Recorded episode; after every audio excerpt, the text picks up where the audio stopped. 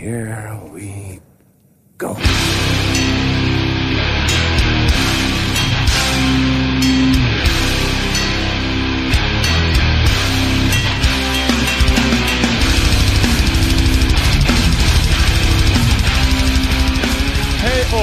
Välkomna till Nere på Noll avsnitt 121. Jag som har fått äran att vara programledare idag heter Daniel Nätterdal, med som vanligt David Olsson.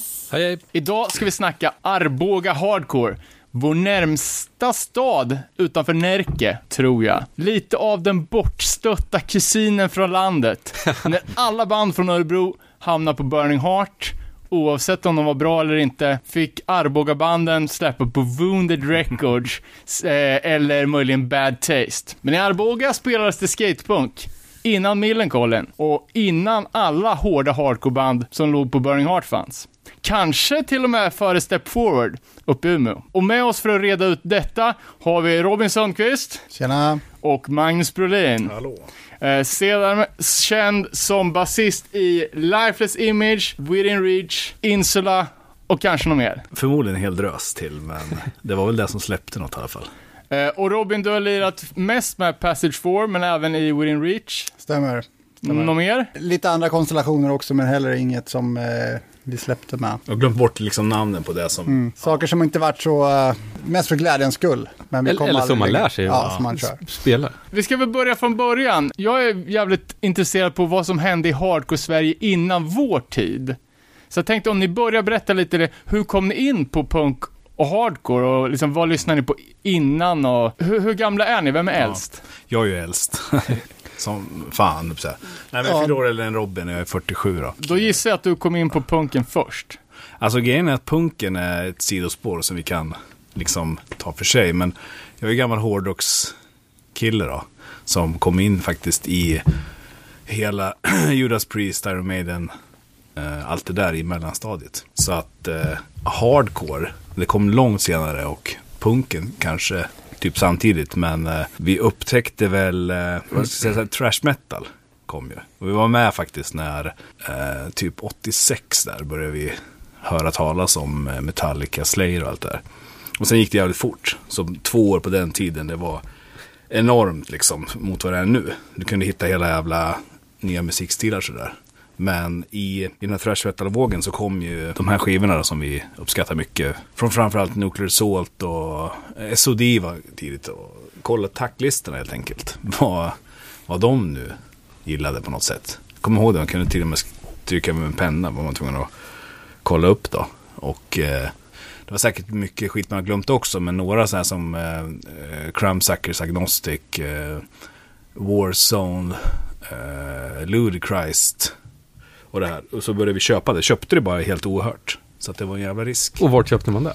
Vi från Arboga fick, eller vi åkte till Köping. Och eh, det fanns en skivaffär mitt på stan där. Och jag tror att det var han där som hade det som tips om Birdnest.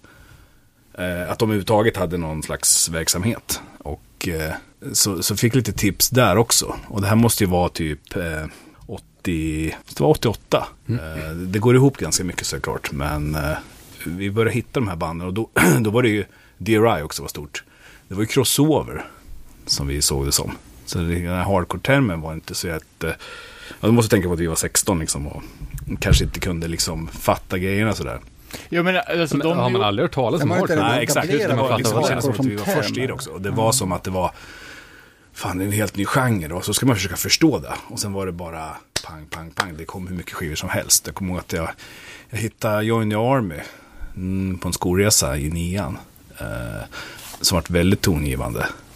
Eh, och, och liksom, du kunde inte förstå det här med att de var från Venice och liksom att du hade Agnostic från New York. Det fattar man ju inte då. Det var ju liksom bara boom. Eh, en, en massivt eh, flöde av nya band som vi... Så när vi åkte till Köping och köpte de här skivorna så var det liksom en stor risk. Att man visste inte riktigt vad, vad man har köpt heller. Utan man var tvungen att ge det ett par chanser. Som, om vi tar som Warzone var ju inte deras bästa period på Caroline. Nej, du, Ja. köp, du köpte den själv betitlade. Ja, jag kom in då liksom. Jag kom in på Liberty and Justice med Agnostic när de hade blivit liksom crossover då. Kanske till och med ja, några skulle kalla det typ för mainstream i sammanhanget. Eh, Chromax också sådär. Så hela den här, den här hardcore eh, första vågen, den kom ju långt senare. Vi upptäckte ju det långt senare. Ja. Fick ju liksom backtracka hela, som man även faktiskt gjorde med hårdrocken. Det började ju inte med Black Sabbath liksom. Utan man kom in som så här Iron Maiden saxon. Och sen fick man höra Black Sabbath kanske, ja många år senare faktiskt. ja. Så så började det. Och eh, det är ju, ja det måste vara 88 där någonstans. Men jag tänkte, MTV sände det i Sverige då? Eh, Eller det kanske inte var något man hade till mans? Jag tror inte att det var det som var grejen. Alltså, det är svårt att förklara. Liksom, det gick så jävla fort. För vi var liksom jävligt inne i det här thrash metal. Det var jättestort. Ja. Och eh, parallellt kom ju ja, ja, det som vi då kallar för crossover. Och som vi började lära oss var hardcore. Och allt det skedde parallellt. Men det kom även death metal samtidigt. Så vi var ju med faktiskt i alltså death metals i, i Sverige när det drog igång. Så kom ju det liksom parallellt. Hela det här eh, första demon med en tom då. Så man var ju, det var ju det som gällde också. Väldigt fascinerande tid när man tänker. Hur mycket man skulle ta in av nya... Fan nu för tiden känns det som man måste välja lite så här, är du hardcore, är du hiphop, är du det här? Ja, bara, men, men men det fanns ju hård liksom en anledning till att vi började spela liksom hardcore om man får kalla det för.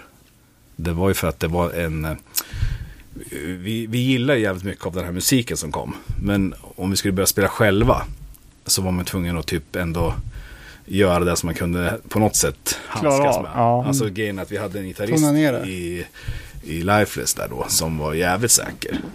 Han var, ja men han kan spela allting sådär. Han hade nog gärna dragit iväg åt något sånt här testamenthåll. Men sen hade han ju med oss att göra. Och då, då kunde vi liksom enas om att det var formatet runt faktiskt typ någonstans där vid Suicidal. Där skulle vi kunna typ fånga upp det. Eh, och fixa det. Det som vi ville göra. Men samtidigt som det här, då kom ju allt det här med att vi började upptäcka svensk eh, punk då. Anticimex och Gangs och allt det där. Så det kom jävligt mycket när man var typ 16 där. Som man skulle ta in och man gillade typ allt. Men vad var det man själv ville göra som kändes Bra här och jag. man kan göra det. Ja men typ det finns en chans att det kan vi göra. Det var en jävligt fascinerande tid faktiskt. Men kände ni för, alltså, där, där i New York, liksom, de banden som kom från metal, typ, alltså ja, SOD var väl också lite från hardcore-scenen, men de som banden som var, Crossover var ju även influ- influerade av metal, äh, av hardcore-banden. Och hardcore-banden var ju influerad av crossovern. Ja. Kunde man se en skillnad på vilka som var, alltså, Vilka som hade typ övergett ja men, första vågens. ja men man kan tänka, såg du någon skillnad på Nuclear Assault och Agnostic Front? Eller var det liksom ja men du kunde väl ana att det var skillnad sådär. Men du kunde inte förstå liksom Nej. så här att, som man i efterhand har förstått. Nej, vart de Nej det är klart. Har man ingen information annat Exakt. än skivan? Det tog ju en jävla tid. Eller liksom, det var svårt. Eh, som jag sa förut en gång att köpte Breakdown the Walls med Youth Today. Och jag trodde eh, att det var nazister. Bara på rent, vad För att de fan. var skins? Ja men liksom vad är det här då? Ja. Du vet. Och eh, ja men lyssna på det sådär och ja, gav nazisterna chansen låter det som. Men, men alltså jag var helt, helt övertygad om att det här måste ju vara skins, det är dåligt och allt det här. Och sen fick ju det förklarat för oss av, eh, ja men det kan ha varit eh, Stefan någon på Birdness sådär. Att nej men det är liksom så straight edge och allt det här. Det var liksom helt, det fanns ju ingenting här. Så vi hade liksom inga referenspunkter i Sverige att ta in. Eh, vi hade inte det, det kanske fanns, men vi försökte och sökte ju liksom. Och eh, eh, då när man börjar söka liksom det här i Sverige, finns det någonting som är som är intressant liksom för oss. För vi hade ju lyssnat på, eh, som jag sa, Anticimex och, och allt sånt där. Men det var inget som vi ville eh, köra själva liksom. Utan det var det, var det här amerikanska. De hade någonting i, i uttrycket som skilde sig åt tyckte vi. Och eh, ja, Det har varit en jävla stor skillnad i liksom eh, rent det scenframträdesmässiga liksom i Ja, men jag, jag vet nog vad liksom skillnaden gick i.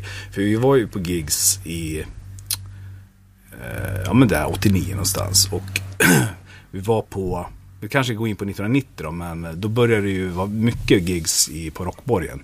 I Fagersta? Ja, och jag var ju på alla de här uh, Forbidden och, och Sepultura och Death och allting. Åkte vi upp. Det var ju liksom stående att åka upp. Men eh, sen kom ju DRI COC. Eh, och framförallt jag tror det var Mackie Papp-spelningen. Okej, det snackar Larna om. Det är Ja, ett band som vi aldrig har lyssnat Nej, på. det var så här, Förmodligen skulle garva år. Det är inte liksom inget som kanske går till historien så. Men Mackie Papp var headline och de hade med sig ett förband som det var Biohazard. Okej. Och eh, det... det Det skrattar vi inte åt. Nej, det intrycket de gjorde, det var monumentalt liksom. För att vi hade sett alla de här, jag menar Jonsson i Anticimex har legat med en avklippt dampäls och bara skrikit i lungorna ur led liksom. Du vet, hela den scen, eh, hela den här containerpunk, käng, allt det här. Sen kom det här och de hade sån jävla scennärvaro. Som, eh, Pondus liksom. Det var någonting helt, vi, vi, vi bara tog med oss det hem till Arboga som 16-17-åriga där. Och bara, alltså biohazard. Och de, de var jävligt tidiga. Det låter ju liksom som att, alla vet ju att de håller på länge, men ändå, de var väldigt tongivande.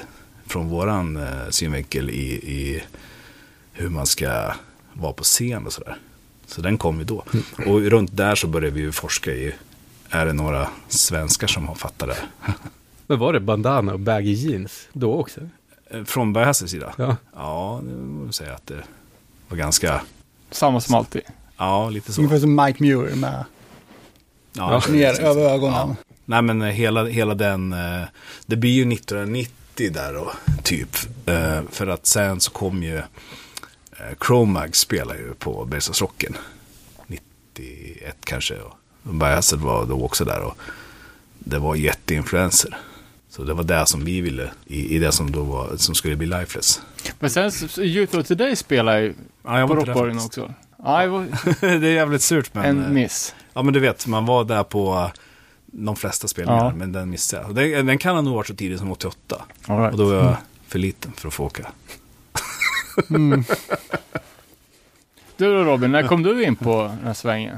Alltså vi har lite olika bakgrund jag och Magnus för att eh, jag kom väl egentligen in i musiksvängen på, eh, genom skateboarding. Inte riktigt samma typ av stil av musik där men visst jag har haft mina, man kom in genom Metallica och så vidare men att det var framförallt genom punken då som eh, mycket exploited, eh, Sham 69, Dead Kennedys och sen framåt vidare. Sen kom Bad Religion och eh, mycket på den biten. Det var ju liksom, man, man eh, tillbringade liksom större delen av dagarna på brädan. Man åkte runt, hängde väldigt mycket inne i Örebro.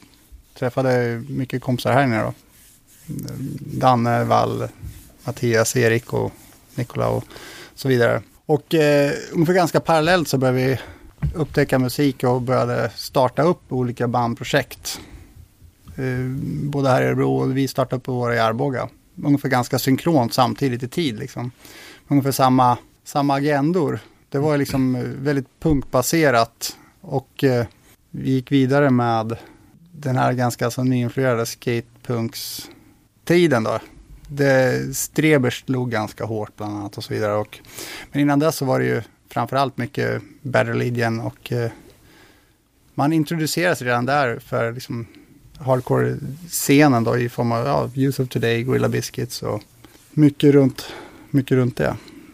För när vi hade Millencolin som gäster, då pratade de mycket om skatefilmerna. Liksom att det var en av de få kanalerna man hade för att hitta nya band. Exakt. Och det var ju just det här skatefilmerna, det gamla Power Peralta-filmerna, H-Street-filmerna som, det är ju Public Domain, eh, allt som Tony Magnussons H-Street liksom producerade fram. var väldigt mycket baserat runt punk och eh, US Hardcore. Ja. US Bombs och, och så vidare. Och eh, man var så sjukt impad som kid liksom av den här hela den här USA-kulturen just runt skate, Kalifornien och liksom där. Man hade liksom, man, man la sig i sängen med ett leende på läpparna liksom varenda kväll och drömde om hela den här, den delen. Och då var ju musiken ett jävligt stor input i allting. Just den här stora imp-faktorn var ju att man liksom, man såg upp till det på ett annat sätt också. Men det blir så, du vet, man ser hela paketet. Skateboard, absolut. kläderna, musiken, Exakt. allting. Och just att det var liksom så här, alla har väl sett filmen Trashen liksom. Man kollar Hook in the Dagger så där liksom är det, det är ren och skär punks liksom som, som körde liksom där. Man, man hade liksom en, en jävligt stor infaktor där. Och jag tror vi delar allihopa liksom och vi åkte väldigt mycket runt, både vi som var skaters i Arboga och i Örebro då. Vi åkte väldigt runt mycket på eh, nationella tävlingar i form av Sverigecupen och SM och så vidare. Och det, likadant där så var det jävligt mycket musikinfluenser. Och det var just punk och eh, US hardcore mer eller mindre i det läget. De tidigare delarna.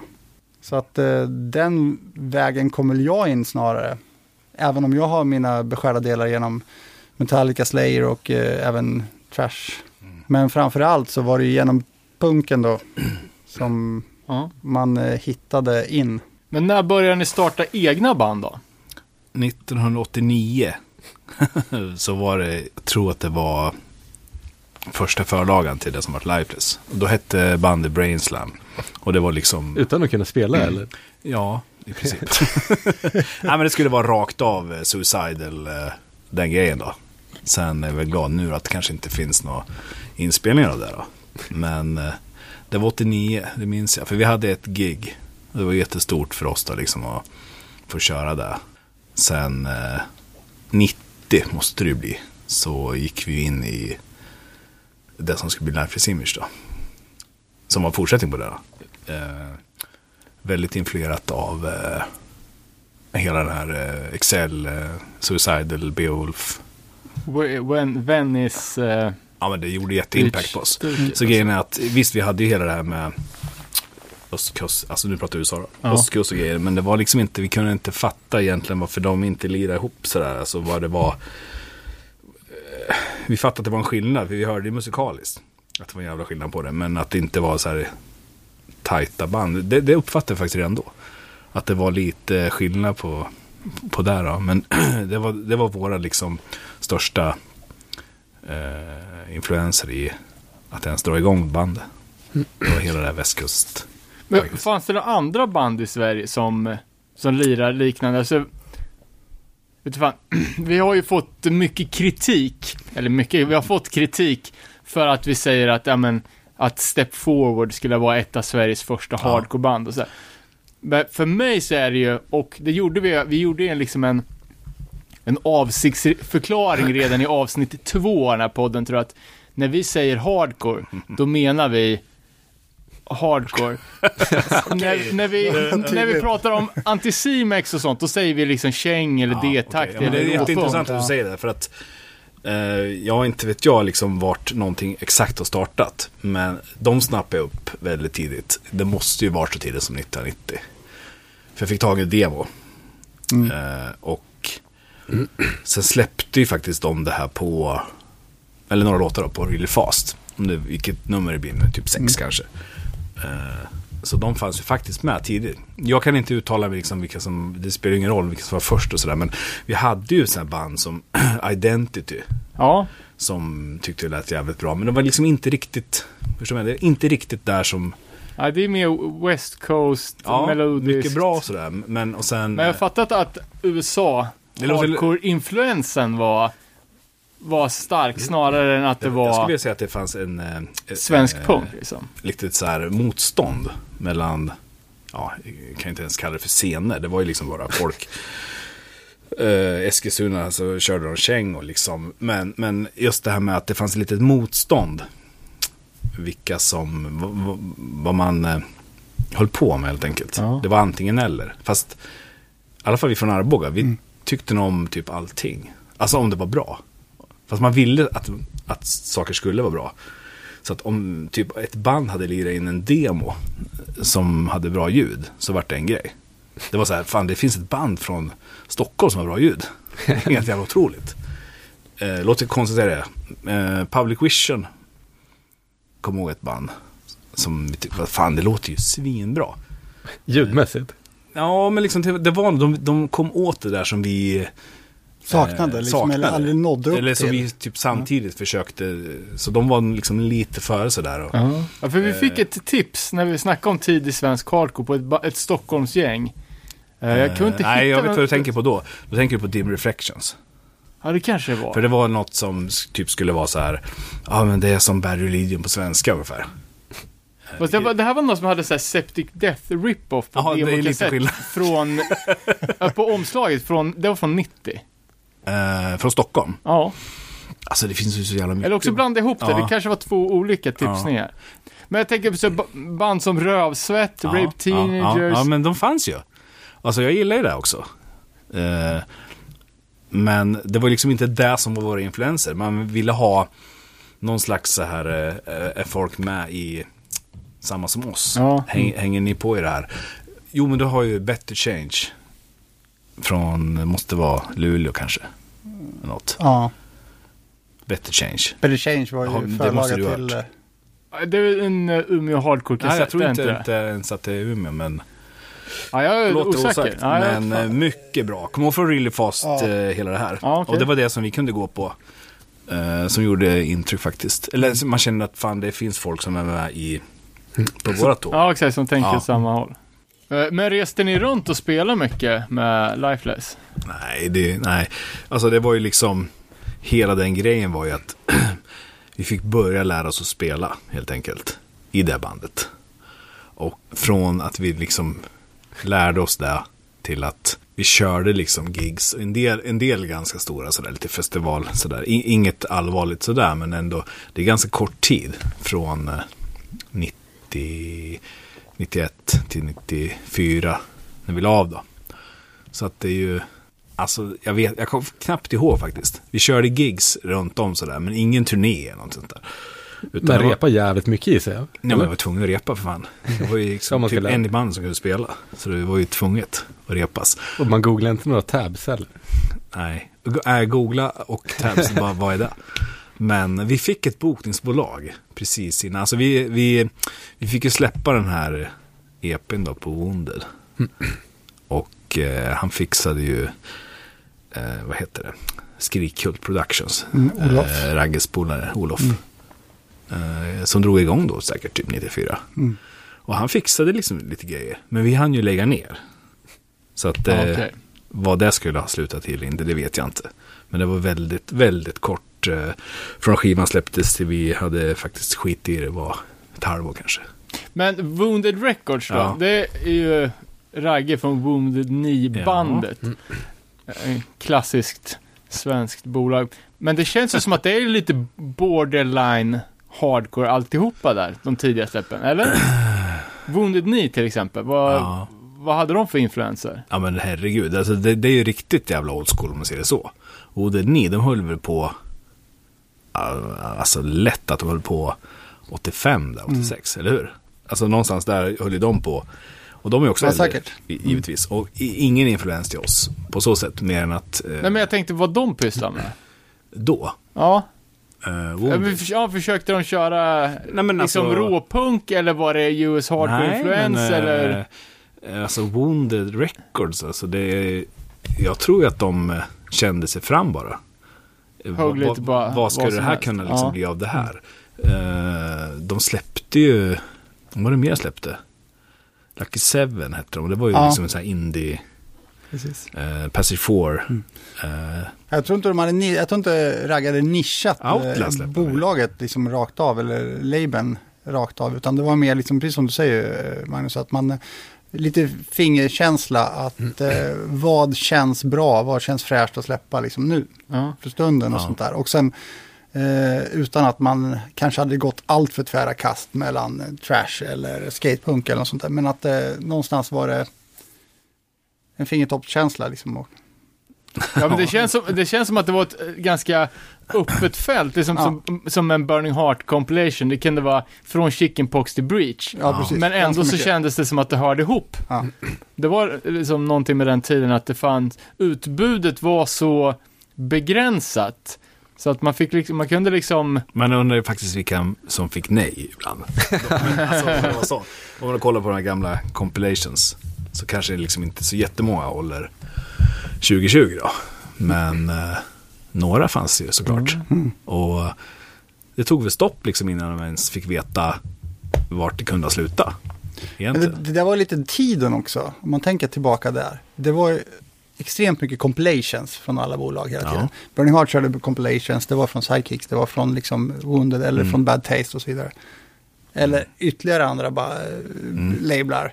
Men det var ju liksom för att i den tiden så fanns det som ett ganska brett spektrum så här. Och då kunde man liksom bara mata ut det så här. Varsågod, välj sovra, vilket eh, är din genre så kan du kötta vidare Ja, sen ja. på vilken, eh, vilket spår du gillar. Och, och jag var ju 15 år som Ja. kom, man köpte det Så att- rakt av, allting. Ja, acceptera allting. Ja. Det var och liksom eh, den, den hardcore punkversionens Absolute Music egentligen om man ser sådär liksom. Att du kan liksom få Spåna ut vad, fantastiskt, vad, är, vad, är, vad är hot liksom och pick, pick your favorite liksom. Med de här Really Fast-samlingarna då? Jag kommer ihåg att Anders från Nasum snackade om det eh, när de var med. Hur, vad var konceptet med dem?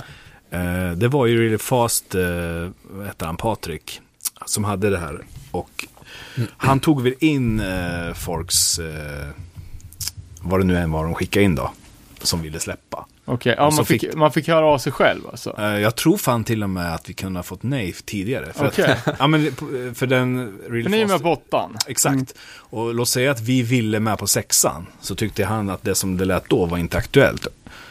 Har jag faktiskt för mig att vi hade kontakt sådär.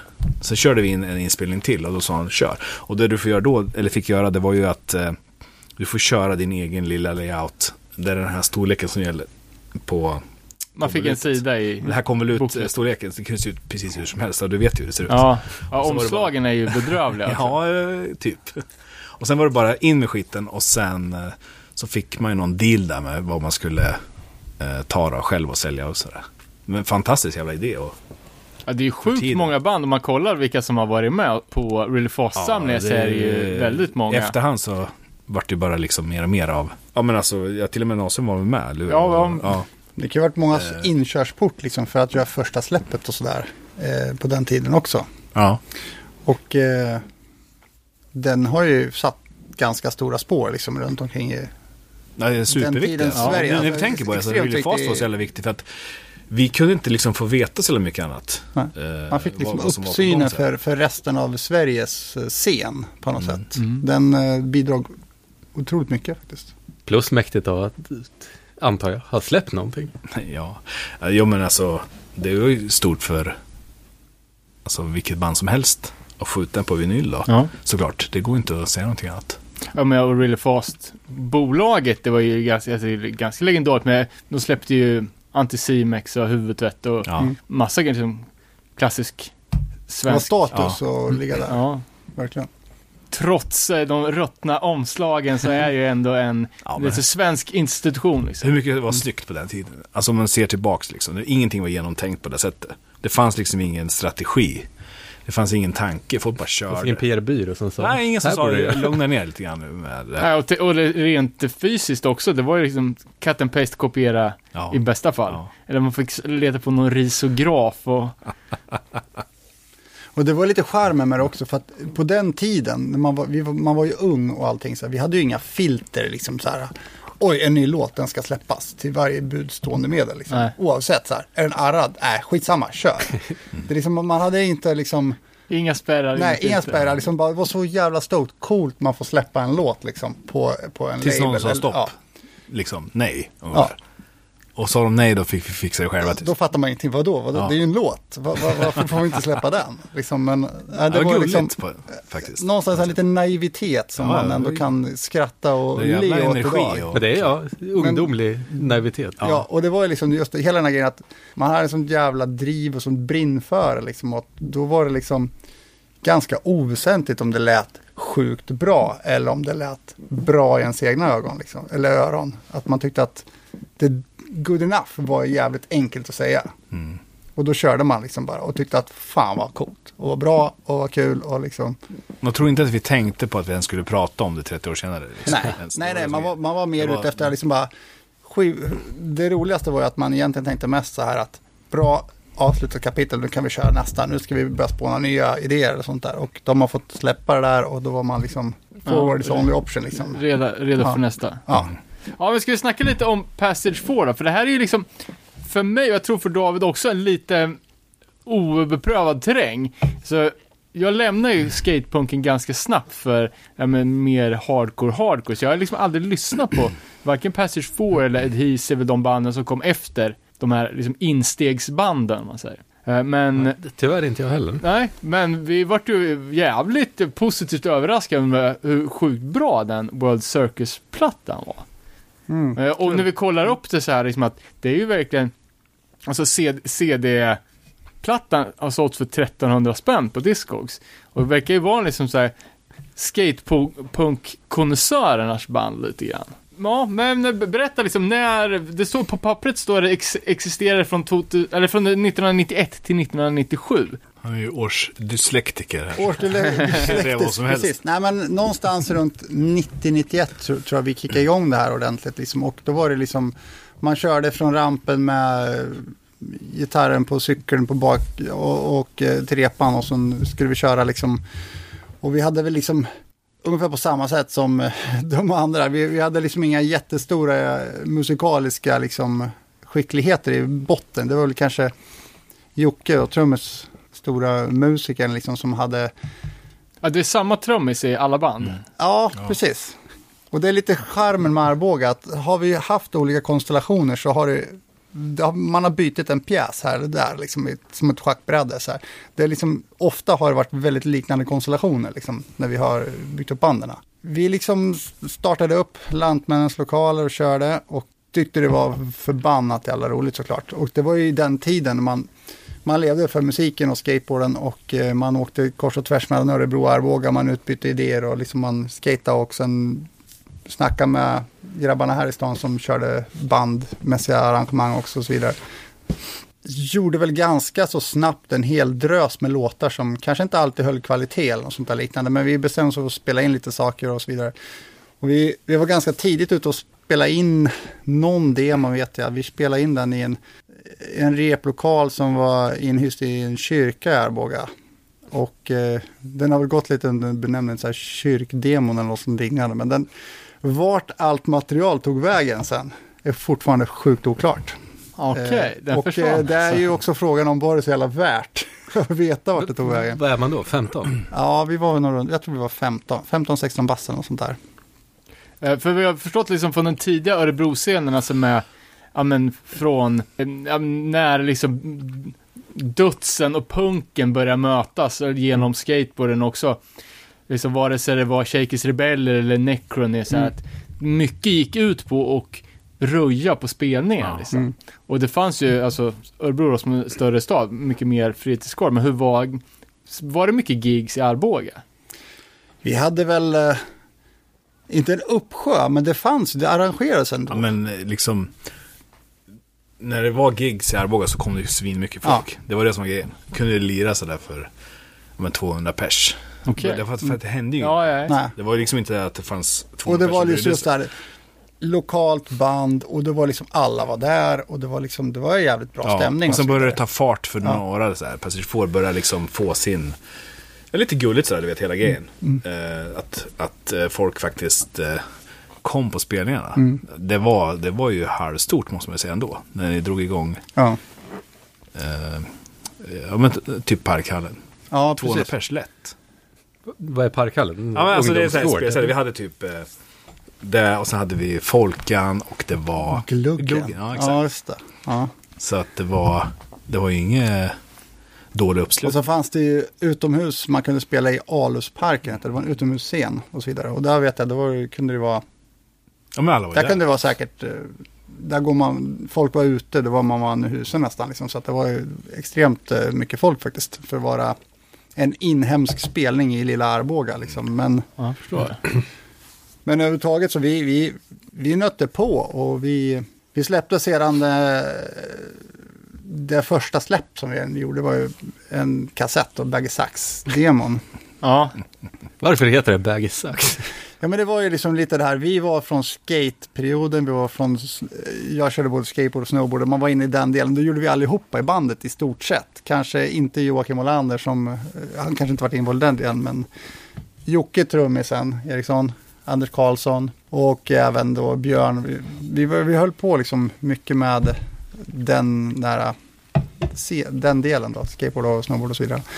Det vart väl någon form, eh, exakt hur, hur titeln kom fram, det vet jag inte, men det kändes väl jävligt coolt på den tiden kan man Men tänka det var, här, Ja. var det självironiskt Ja, men eller att hade det- ni tröttnat på baggy? om, man tänk, om man tänker sig så här, Det ja, var det var, ju, det det, var så- ganska självironiskt såklart. För om man tittar på, på, på bilden så är det liksom det här att det är lite extra mycket häng och det var liksom så här lite så här, fan vad det här har gått lite över gränsen. Snowboardhänget? Ja, lite det där. Och, men samtidigt var det liksom så här, det var den här stora flörten, man var liksom så, mycket imponerad över liksom så här, där det kommit, man lyssnade mycket på Operation Ivy och Rancid och Nofex och Bad Religion framförallt och så vidare. Det, det gav ju liksom den, den inspirationen och man skulle förväntas nästan att spela lite ska-influenser i, i eh, det hela också. Det gjorde ju likadant som Millencolin gjorde på den tiden och så vidare. Man, man liksom, någonstans hade man inte det där äh, filtret som man har idag om man är vuxen eller något sånt där. Men då var det så bara, jag ska inte säga att jag har världens Ja, bästa det- filter idag. Men att, Största jävla trendföljarna. ja men man var det, man, var, man, men det- man följde trender och man tänkte Nej, så här nej. liksom att vi borde göra så här för att det verkar som att man ska det. Liksom. Så här, ungefär på, den, på den måttet var det liksom då. Och eh, ändå så, vi körde på skitglada, tyckte det var skitkul och man var helt stoked av att släppa någonting. Det är liksom lite på den vägen det var. Så vi körde liksom en repa där via Unisound hos Dan Svanö, Finspång. Och sen vidare så började vi spela in i Underground hos Pelle Säter i, i Västerås då. För jag tän- för tänker, för ingen av de banden du nämnde, Rancid, Operation Ivy eller, eller Bad Religion, hade ju en baggy. De hade ju skinntajta brallor, så det bra skulle ju kunna vara... Nej men det var ju mest på våran del liksom, och det var Nej. liksom som Ja, Sverige, man hade liksom så här, det var extremt med just av någon jävla kort tid anledning. också Ja. måste jag säga. Väldigt kort tid. En underbar tid. Ja. Men, eh, jag jag tänkte precis fråga det, men jag fick ju svar på det. här. För eh, i Örebrobandet, typ Seigman och Millencolin, de släppte två demos, en sjua per år där Ja. i början. Men då fanns det alltså en osläppt demo innan Baggy Sax, för annars var det lite segt i starten, från Precis. start, start till släpp. Det gör ju det och eh, som sagt det är lite oklart vad den har tagit vägen. Jag Jag kan, jag kan bara säga att jag gick igenom grejer hemma i garaget och hittade en datt. Det, det, den är blank, den kan vara helt tom eller vad som helst. Att, Jag var tvungen att påminna Robin. jag efterlyser i, en dattspelare. i, typ igår. Ja. Att ni ens hade spelat in en demo innan. Ja, Det visste ju inte. All right. nej minnet är kort. Minnet är bra men jävligt kort faktiskt. Nej, för vi har läst lite olika biografier inför det här och då, då står det ju ingenting om någon inspelning innan Sax. Nej. Nej, och Det den, fanns. eh, det har vi gjort, absolut. Och ehm, den, eh, som sagt, eh, man kan hört den. benämna den som Ja, jag, vet, jag, kyrkdemon i sånt fall. jag kommer ihåg att på den tiden gick man på att det var någonting som inte var dåligt. Så var man pepp. Mm. Det finns ännu en inspelning någonstans i Sverige Ja, det gör det. som är bra. Och så, ja, det, det är jävligt oklart, men om den är bra. Men det, det finns en inspelning. men- jävligt oklart fortfarande hur många Ja, låtar men det kan vara. Kan det röra sig om sju eller åtta låtar kanske, kan jag tänka Det, mig. det var svårt på den tiden att så här, liksom så här med, med bra ljud och sådär. Alltså på riktigt, att, Ja. att, att få till eh, bra inspelningar. För vi spelade in på Porta och sådana grejer. Och Jättesvårt att liksom få till det. Man visste hur det skulle låta, men hur fan ska vi göra? Liksom? Eller, Ekonomin för vad? Liksom. Kan inte gå in var som helst och spela in heller. Då. Så att eh, stod jag just det här med eh, ljudet. Om, om det gick att få till det överhuvudtaget. Precis. Och jag kan komma ihåg nu faktiskt när vi började Ja, tänka om det det här nu. måste Att, ju ha varit av okunskap Så total okunskap. f- hos, ja, Hos alla. typ Dan Svane, att de inte visste hur de skulle Ja, vrida till det för att liksom- det skulle låta hardcore. Nej men så här är det, vi spelade in med Within Reach i Studio Underground. Ja. Och liksom nästan varit osams med han där, vad han nu heter. För att vi sa, vi, vi vill ha skitigt ljud. Han tog det, han satt ju såhär Marillion eh, shorts typ och bara, vadå skitigt? Ja men liksom såhär skitigt ljud. Och det var total krock med vad vi försökte förmedla. Mm. Eh, mot vart det vart. Det kanske varit där ungefär vi skulle ha hamnat då, men Men det var ju definitivt tvärt emot vad han ville göra. ja, han, Ja, han ville vi göra förstörde ju hans ha- ha- studio. Hårdrock Ja. ja. snarare kanske så här. Liksom, det var helt fel allting, men typ det gick bra ändå. För att, Ja, men det fanns ju en annan här. Jämte Pelle Säter, han hade ju en sidekick som var Ja, med det, också. Ja, det var ju han i... vad heter han? Rose, Rosicrucian. Rosicrucian. Slapdash. Ja, Slapdash. Ja, som var exakt. studiotekniker. Han var också med där. Han hade en lite mer eh, Nej, han var vår tillmötesgående approach. När vi Han, sa han var i vår ålder och han kunde förstå vad vi sa. Ja. Så han fick typ översätta de här konstiga grejerna vi sa till Pelle Zätt. Faktiskt. Underbart. Men ändå så tycker jag liksom det var en helt annan skillnad att kunna prata med, med Dan Svana liksom om den där biten, att få till ett skitigt ljud. Ja men det var vi ju glada att vi fick till det. Ja, men alltså det Finspång hade ju sin scen på den tiden också så här, med, med eh, den typ av band liksom. Så där, där, där var det inget snack Ja, om det- liksom det att någonting ett- få ett skitigt ljud liksom så här, liksom. Det var ju en ganska stor skillnad att gå från Ja, också. Finspång till Underground-studion där man liksom kanske var mer liksom så här, det var lite mer polerat, liksom det skulle vara lite mer åt hårdrockshållet kanske snarare än det här liksom. Ja men det var ju det. Förstår du? Ja. Det gick som Yes och Marillion och Ja. Genesis och allt där. Och så kom vi liksom in och bara, Ja. vad fan är det här? Det var ju, alltså det funkar inte. Men det funkar hos Svanö. Några år tidigare såklart. ja, Eh, Men liksom kanske inte var, ja. och det är liksom lik, lite likadant där som Passage 4. Vi, vi gick ju vidare sen till att köra också hos Underground. På första EPn då, Something to Start With. Och eh, likadant på World Circus fullängdaren. Men jag tänkte på första miniserien då. Alltså speciellt på sången, den är så jävla, det är så clean sång. Eh, och det känns, ja nu blir det sjukt lösa termer här, men det känns lite mognare än om man jämför med, alltså allt skulle ju vara så jävla crazy skate på den tiden. Mm. Det här känns så lite mer sofistikerat. Ja men det var ju li, lite som, som vi har hört så här på, mycket så här på så här fanbase-mässigt då, som, som vi har fått, återigen här, vi, vi har ju liksom, vi, vi första, eller sista vi spelade in var ungefär 23 år sedan innan, sen har vi släppt lite nytt nu. Men eh, under den tiden så har det liksom strömmat ganska mycket kommentarer och liksom så här, vi har fått eh, hela tiden eh, mejlväxlingar eller folk som har ställt eh, frågor och hit och dit och berättat eller sagt och uppskattat och sådär. Och liksom det som ofta sagts har varit att vi har väldigt tidiga med att möta emo-stilen inom skatepunken. Liksom att man hade tog in den ådran på något sätt. Att Ja. eh, man, eh, Men, men lyssnade på sånt också? Jo, men alltså vi hade stora influenser via Sensefield till exempel. Eh, extremt stora. Och det fanns ju liksom, Bandet som förstörde Revelation. Plus att du kämpar med att komma ihåg vilken skiva du pratar om. ja, nej men alltså så, så är det ju. Det, det var ju så att, eh, någonstans vill man kanske sätta ett eget ID på allting också. Inte bara låta extremt mainstream. Som, man vill inte låta exakt som You- No Use for a Name eller exakt som alla de andra banden. Att du, du var tvungen att hitta någon egen nisch på något sätt. Ja. Och eh, det var ju lite den vägen det kom då. Och eh, det gjorde väl att det kanske var lite mer kliniskt. Och eh, om man tittar på, på Baggy Sax exempel, där är det mer ploj. Där Ja, är det jo, liksom, men där är det liksom, då är det, man ska, i, trots att man inte vet varför så ska vi involvera ska i det hela. Och man ska liksom göra så här saker som man förväntas göra känns Någon det som. Snarare än att, ja. ja, men Det var låtarna ju var, jävligt många låtar också tänkte jag. de var väldigt eh, olika också. Även Ja, någon är det- liksom det- det- arabiskt det- tema eller någon låt liksom. Hopkok av allting, Ja. liksom man bara coolt, vi får Men det är släppa ju- det och kör liksom. Det är ju såklart klassiskt demo-symptom liksom. Ja. Eh, Men ska, vad kom först då? Följande miniserie eller fullängden?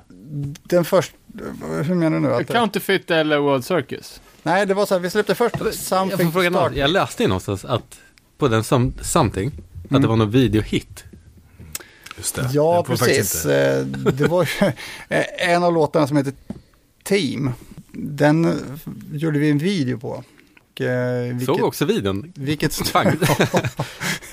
ja, det är Det sån, där som har lite skämskudd över sig idag kan jag säga.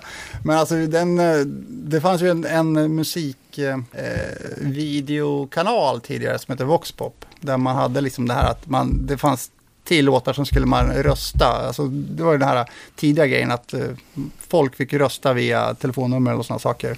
Och, eh, vi hamnade i alla fall med där och vi låg med topp tre.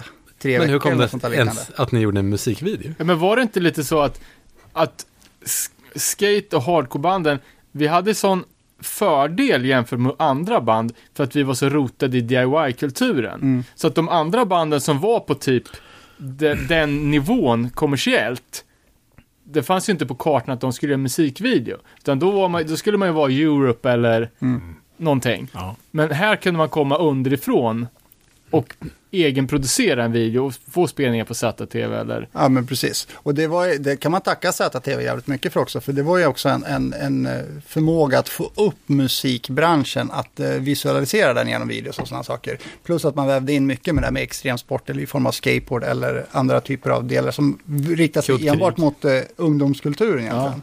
Så att den, den hade en viktig faktor, självklart. Ja men det som var Edge TV till Ja, exempel. exakt, det var ju exakt. magiskt. Ja, och det är liksom, nej det, det vart ju anledningen att det var nog inget vi själva liksom bara, ja klart vi ska göra en musikvideo. Utan vi fick väl en fråga.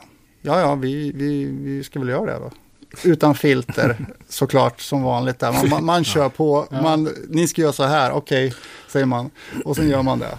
Och sen eh, hamnar vi där vi var. Och, eh, men nu, oavsett så eh, rent, rent krasst så ja, vi, vi låg kvar där i alla fall. Så att den, den etablerade sig så pass mycket så att vi fick inte vara kvar länge. Man fick vara tre gånger i den, Okej. bemärkelsen. Jag minns att det var, det var lite stort att vi hade slagit ut till exempel Madonna eller något sånt med någon, någon, någon låt eller något sånt där. Ja det låter ju helt otroligt. Så det var lite, lite, lite roligt kanske. Men eh, det var ju från den första EPen då, Something to start with. Och sen eh, i kronologisk ordning kommer sen eh, fullängdsskivan World Circus och eh, Counterfeit. Counterfeit släppte vi för övrigt på Gift of Life. Tyskt bolag. Yes. Kollar vi på, upp också katalogen. De har ju släppt jävligt mycket reissues på klassisk LA hardcore. Mm. För övrigt. Men eh, World Circus då, som vi uppskattar jävligt mycket. För eh, första som slog mig var ju så extremt mycket Dag Nasty Orange County Hardcore-vibbar Mm. Ja. som jag... I, det är sånt jag Extremt mycket, älskar ja. idag. Det Visst är det så. eh, ge- Men när det kom så jag var inte alls mottaglig för sånt som inte var gruff liksom. Dave Smalley har varit en eh, extremt stor eh, eh, inspirationskälla faktiskt måste jag säga. Jag, på skämt har jag kallat Jocke, alltså, som har varit vår låtmotor, för eh, Dave Smalley Junior ibland, liksom, så här, lite på skämt, så här, intern skämt. Självklart har det varit, eh, och just eh, den plattan är ju enorm med Dagnasse. Liksom, som, Ja, med Dagnasse.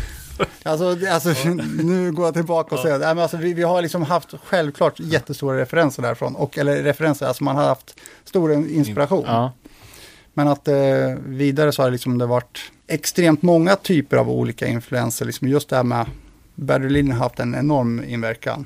Och, eh, men vi har liksom hela tiden haft hardcoren i botten också. Så här, som vi har liksom känt mycket för. Allt från Gorilla Biscuits till ja, det, Chain of Strings och hela liksom Minor Threat och Rubb och Stubb. Det gjorde väl att vi kanske fick en lite mera emo-touch på allting också. ja. Att det vart en, eh, en, en inte en, en eh, Millencolin 2 issue av någonting som man, man ska försöka plagiera bara någonting. Utan man försöker hitta någon form av eget spår inom det hela. Men hur var mottagandet då? Mottagare, ja. Alltså, Fan, Jag läste att ni spelar på Hultsfred. ja. Jo, men det har vi Det gjort. var 96 va? Problemet när vi spelade Hultsfred var att vi, vi fick en tid som var eh, 02.30 och då, då spelade vi exakt samtidigt som Ministry gick på scen egentligen, på stora scen. Och det var exakt när de hade släppt, eh, jag kommer inte ihåg plattan exakt, men eh, den... Psalm 60. Nej, det måste Ja, ha Psalm varit... eh, 69 nej, det var det med inte på den, Det var senare. Och jag kommer ihåg, jag var så jävla impad bara att jag stod bak på backstage och hörde jag liksom de, de repa, alltså de rehearsade den. Och man hörde liksom, eh, men eh, jo, vi spelade på Hultsfred, då var ändå ganska, ganska gott om folk inne där i tältet där vi spelade. Och det var, teaterladan. Ja, teaterladan. Men det var ju alltså, ni gav ju upp för tidigt. Det var svårt att säga liksom vad som Mm. skulle ha hänt. Också. Ja, exakt. För, för det var ju Men liksom... var ni ute och turnerade liksom? Vi, vi, Sålde järnet av skivan? Jag tror det Hur- fanns lite av en faktor till hur, hur, hur vi liksom bara tappade lite musten totalt. Och det var väl kanske det att, för det första hade jag en, vi alla hade väl liksom kommit igång lite mer och kände att vi ville liksom köra på. Och jag hade upptäckt snowboard på allvar liksom, så jag tyckte att det var superroligt. Och ofta kunde det kanske vara att jag åkte på någon tävling samtidigt som var en spelning, så man fick en intressekonflikt i det här läget. Men vi hade i alla fall fått eh, en full eh, Europaturné inbokad i alla fall. Via Olof då, Skikult Productions. Och eh, allt var klart. Vi hade bokat buss i Kristinehamn. Vi hade packa backline och rubb och stubb. Och eh, det var liksom merch upptryckt och eh, allting. Och sen typ på kvällen så här typ kvällen innan vi skulle åka. Så fick vi samtal bara, ja men vi, hela turnén är inställd. Jaha. What? Liksom. Vad då då? Då var det liksom så här, jag, jag, jag, lite oklart, jag kommer faktiskt inte ihåg exakt vad det var. Men Vem höll i Vem de där kontakterna? Det är det Nej, exakt. Och det, det, var, det, var, det var det som var liksom så här, man bara, eh, jaha. Så att eh, det var väl ungefär som en, eh, vi tog en jävla paus där och den pausen verkade som att den tog lite musten ur oss. Och sen eh, la vi mer eller mindre ner efter det.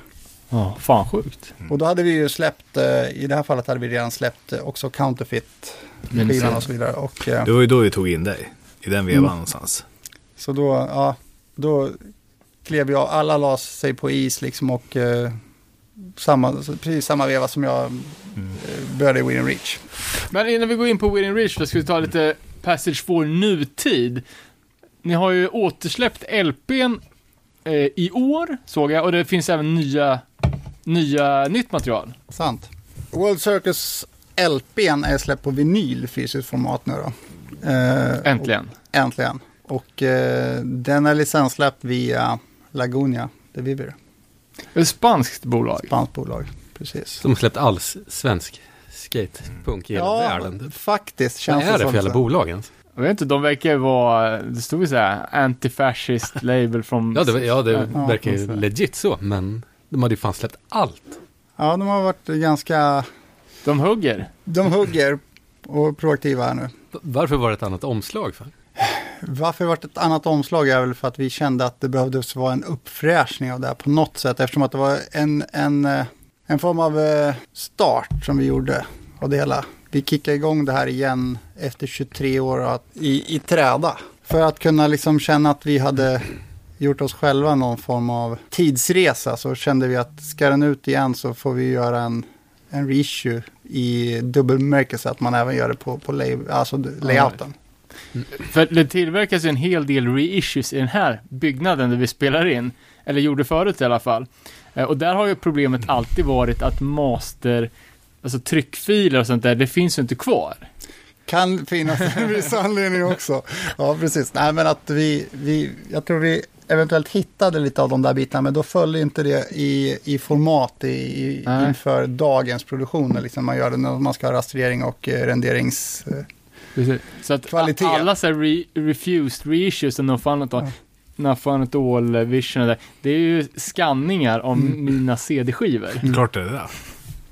Så här, men det har Så ju... man måste blåsa upp och fixa varenda jävla Ja, pixel för nej, att så det att ska, det, inte ska bli risken blurry. hade varit att man får ett, ett, ett, eh, en jävligt eh, sönderrastrerad och då ser det ganska tråkigt ut. Ja. Liksom, så att då, då kände vi att sk- ska det ut igen så där så vi, vi såg ingen nackdel med att göra en ny layout på det där.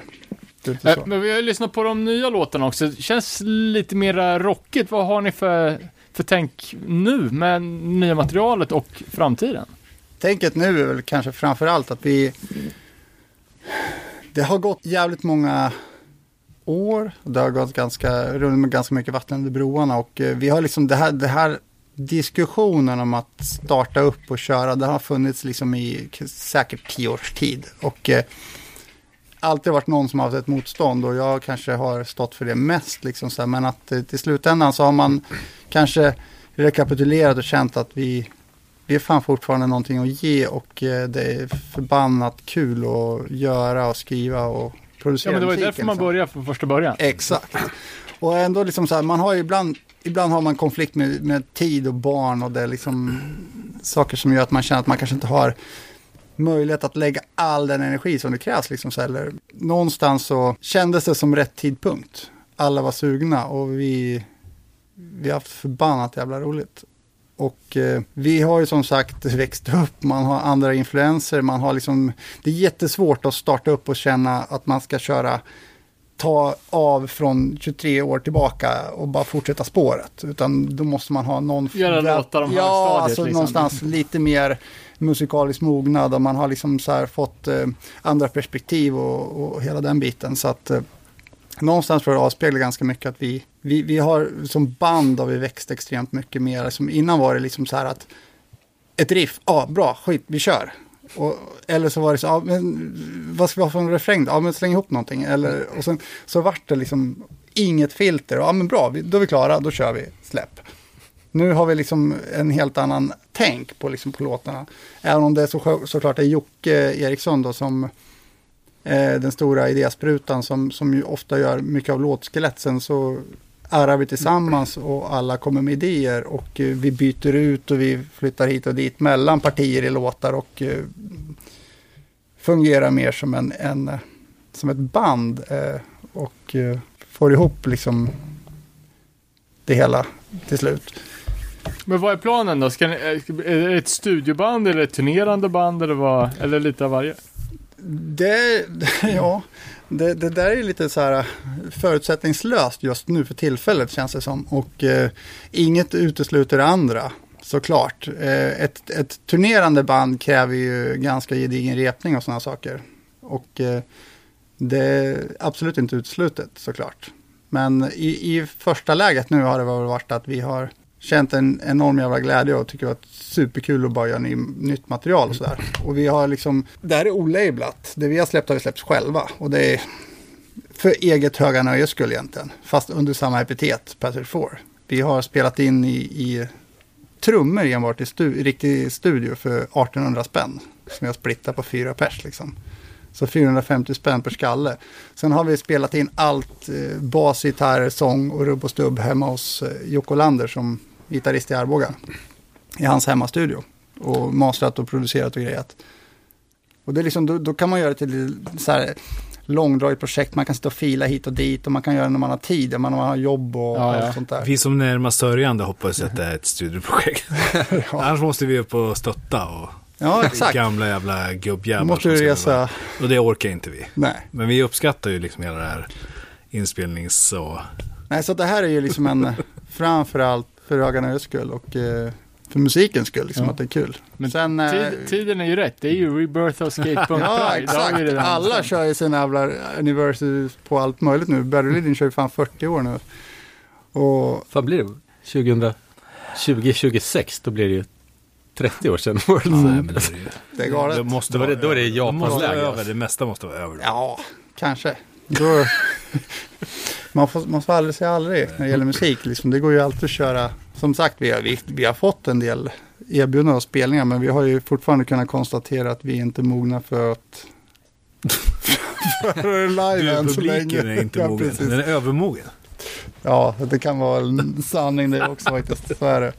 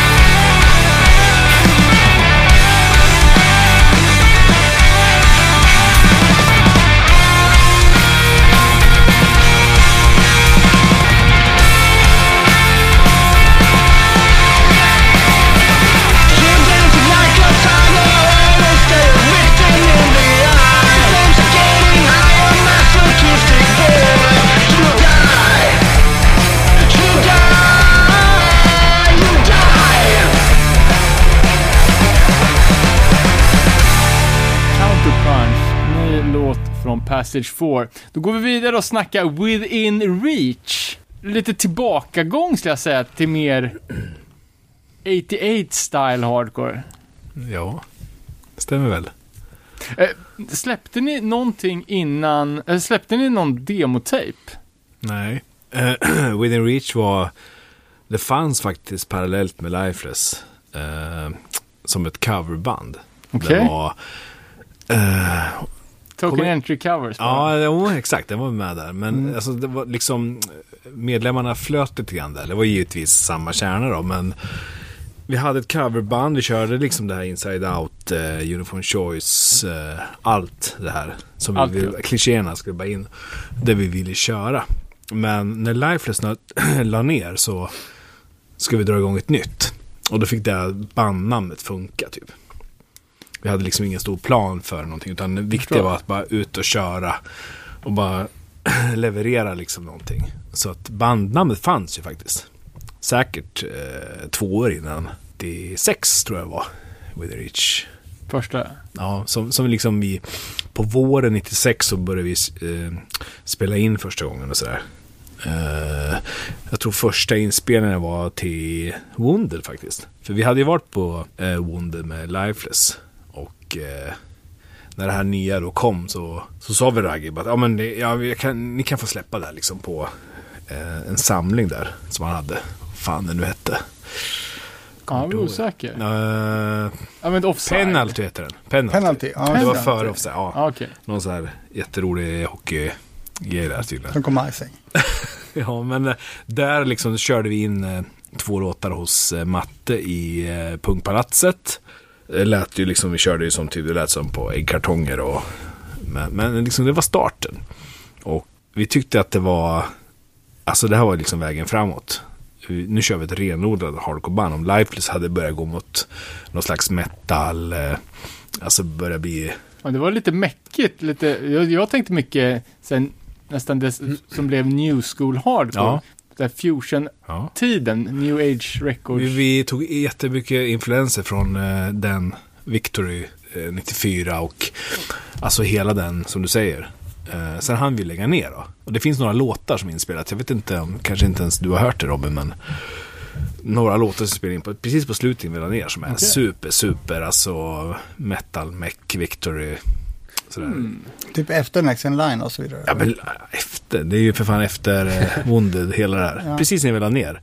Vi, är nä- nästan in i 96, för det var där vi la ner liksom. 95 där. Men... Eh, och sen började typ, ja det känns som att vi började om. För då var det så här äggkartongsinspelningar. Alltså bara tuka, tuka, tuka, tuka, tuka. Men vi tyckte att det var så jävla roligt. Och vi kör. Så vi körde faktiskt en egenfinansierad eh, första EP då. Det här som vi släppte själva. Och det var det som var vägen in sen på Psychics. Men, och bandet då då? Vilka, det är, var du, Törna, eh, Jocke och Björn. Björn är gamla Passage 4-sångaren. Mm. Så eh, körde vi in där då. Och, eh, och det är då The Light Will Ja, Return. exakt. exakt. Men, Men- Token Entry Cover. Precis. Ja. Och brand på framsidan. Det var, Töntigt drog namn. lite paralleller till den pågående militanta vegan bränna skan-bilar. Ja, det var väl bra då. Ja, Ja, för övrigt en sex- skiva som, någon slags våg. en skiva som såldes under ganska falsk marknadsföring. Ja, men den under sålde faktiskt- Hultsfredsfestivalen också. Ja. Nej, men det kommer jag ihåg. Det var jag som fick ta det personliga ansvaret Mm. att eh, punga ut för den här skiten. Grejen var att det var en, faktiskt en idé med att det här ska bli en label. First Unit. Ja, det var faktiskt eh, inget eh, så här, jätteskämt så, utan vi kör nu. Vi börjar med With the Reach där. Men vi hade faktiskt, Adisi skulle släppa en sjua, hade vi kontakt med. Hives till och med. Och det hade varit kul i efterhand om det hade blivit verklighet. Ja. Hann ju bara bli, ja, typ eh, slarva bort allting. Men Eller, var eller så vart det sidekick av det. Ja men grejen är så här, det är en rolig tid där för att eh, Hives hade inget kontrakt. De var peppade på att släppa. Och vi hade ju uppmärksammat dem. Vi hade ju Hives som förband på Lifeless Release Party på hösten där och grejer. Och eh, vi hade spelat med Hives uppe i Fagersta och grejer. Så jag hade fångat upp dem faktiskt ganska tidigt. Att det här är, jag gillar dem. Liksom, det var bra men det var liksom långt ifrån det här liksom Det här kommer bli världens största Ja band. men exakt, absolut liksom. Men, eh, så de hade jag med i hela det här. Men sen så, Winnie Reach, vi släppte den här eh, EPn. Men ganska fort så kom faktiskt Babs och sa att jag har någonting som heter Sidekick som jag drar igång. Och Jallo ska liksom fixa med er och så här. Och ni vill köra. Så då körde vi. Och så jag släppte hela den där grejen. Okej. Tyvärr, för det hade kunnat bli kul att se hur, vad det hade blivit av det. Ja. Jag hade ju kontakt med liksom att eh, några som var jävligt peppade på att köra lite sjuor och sådär. Det är lite kul för att det, just när ni hade releasepartyt, liksom alltså med tanke på liksom hur parallellt allting låg i Sverige då. För det var ju samtidigt, då var det ju Highs var förband, Passage 4, till Mm. Passage 4 som var Mm, förband till mm, Lifeless. mm. Så att det liksom, Okej, det var så och pass. det är Arboga, Ja. ja precis. Ja, men det, det är 94. Och eh, då fick vi ner dem liksom från Fagersta. Mm. Ingen brydde sig. Vi tyckte det var hur bra som helst. Men det var ändå väldigt bra med folk på spelning och så. här, Det var ganska bra klimat för, för spelning då. Alla slöt upp och liksom det var, Ja. ja, men så det var var det. bra drag liksom så här. Ja. Utan att kalla att det, var en, att det var en enorm scen i Arboga på det sättet. Liksom, så här, men att det var liksom, Nej, men det var ju Fagersta Arboga då. Ja. Som vi tydde oss nog ganska mycket mot Fagersta faktiskt. Mm. För vi hade liksom samma. Vi hade lite sådär att det funkar bra i eh, Kungsör. Mm. var bra. Men Köping var så här. ah, No, no. inte all.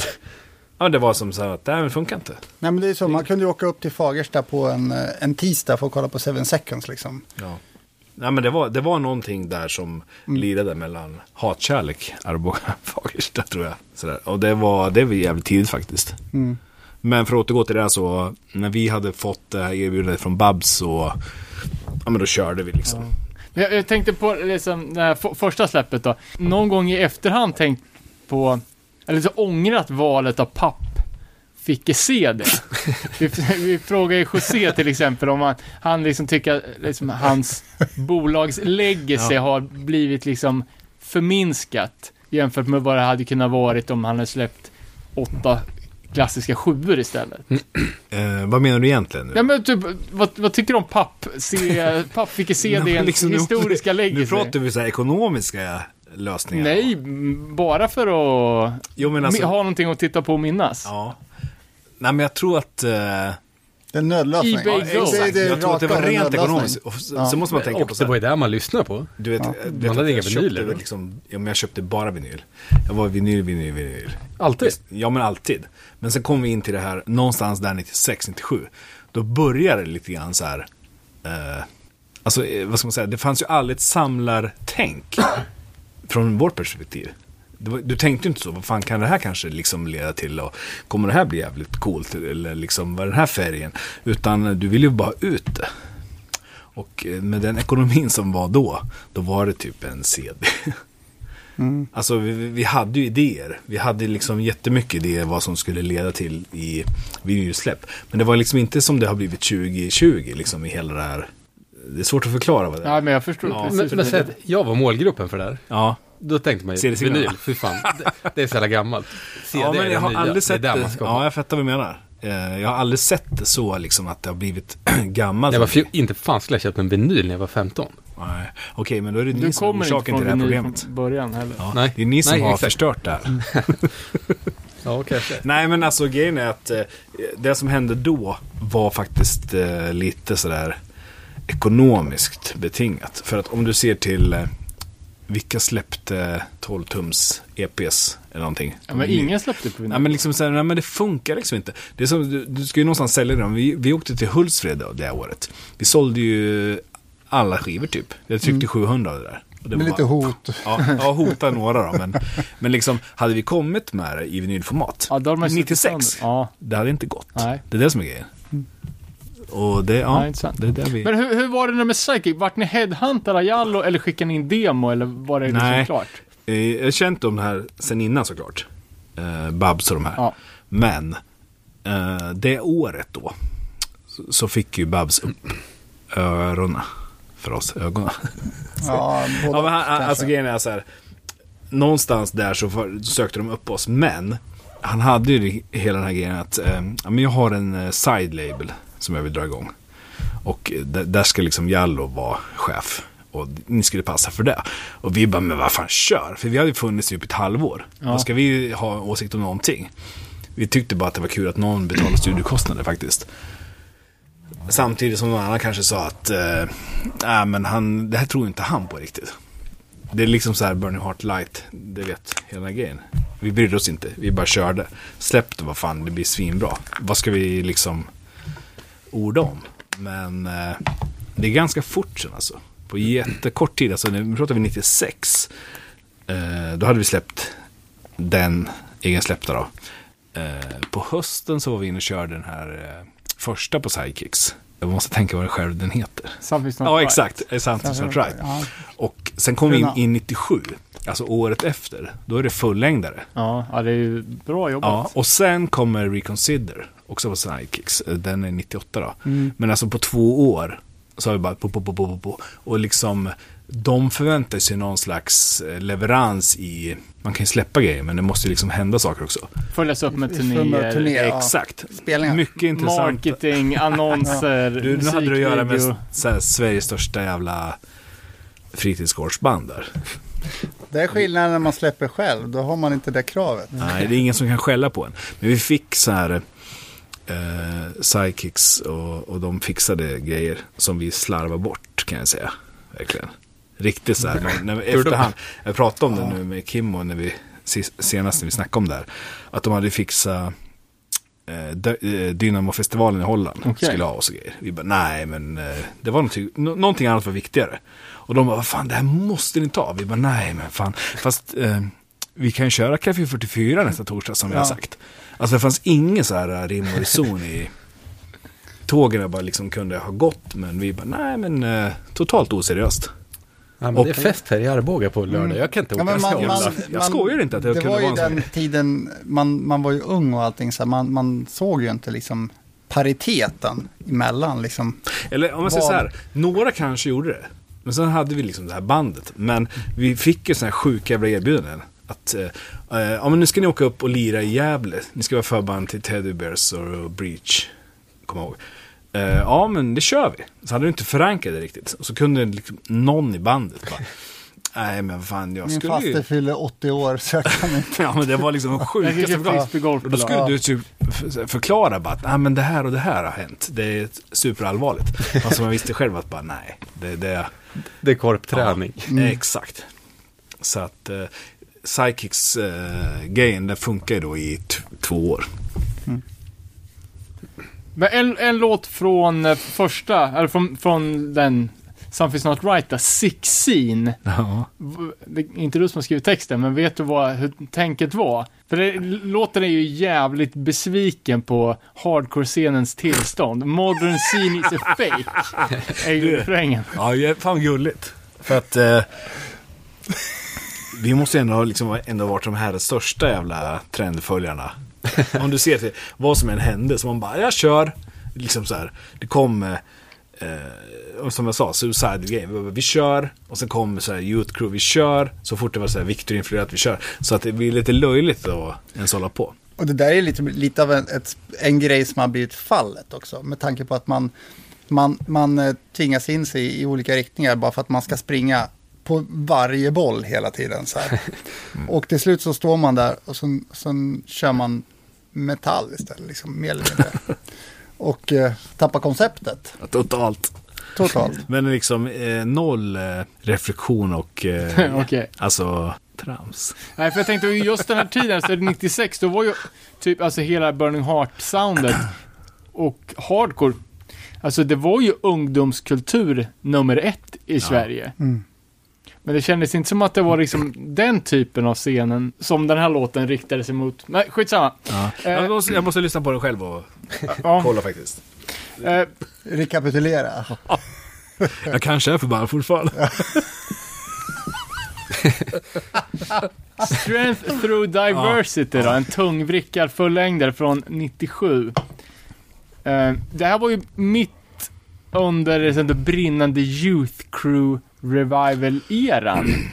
Men det känns inte som de, alltså, de större svenska banden var, det fanns ju, eller Refused fanns ju kvar. Eh, Men annars var det liksom inte så mycket så här straight edge band i Sverige. Men hur, hur eh, togs det här emot? För jag antar att ni spelar i Europa? Eh, det var väl, Polen. ja men det var väl 97 måste jag tänka nu liksom. För att vi fick mycket feedback faktiskt från Europa. Men Ja. vi hann, hann liksom inte dit förrän i princip vi själva var klara med det.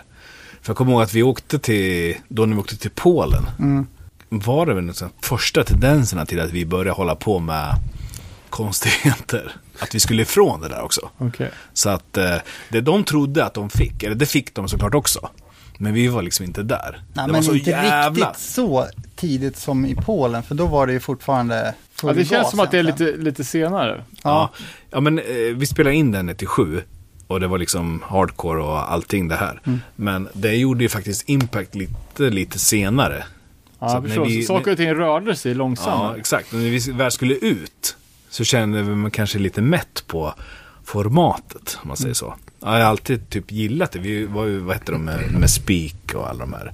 Ja, Var det med? Ja. Vad heter de? Och liksom- Seven- Ja men hela, hela den grejen, vi tyckte fortfarande, alltså det tycker jag ju fortfarande, det är pissbra, men liksom vi var på väg ifrån hela tiden. Det var som att vi inte är nöjda i, i det vi håller på med.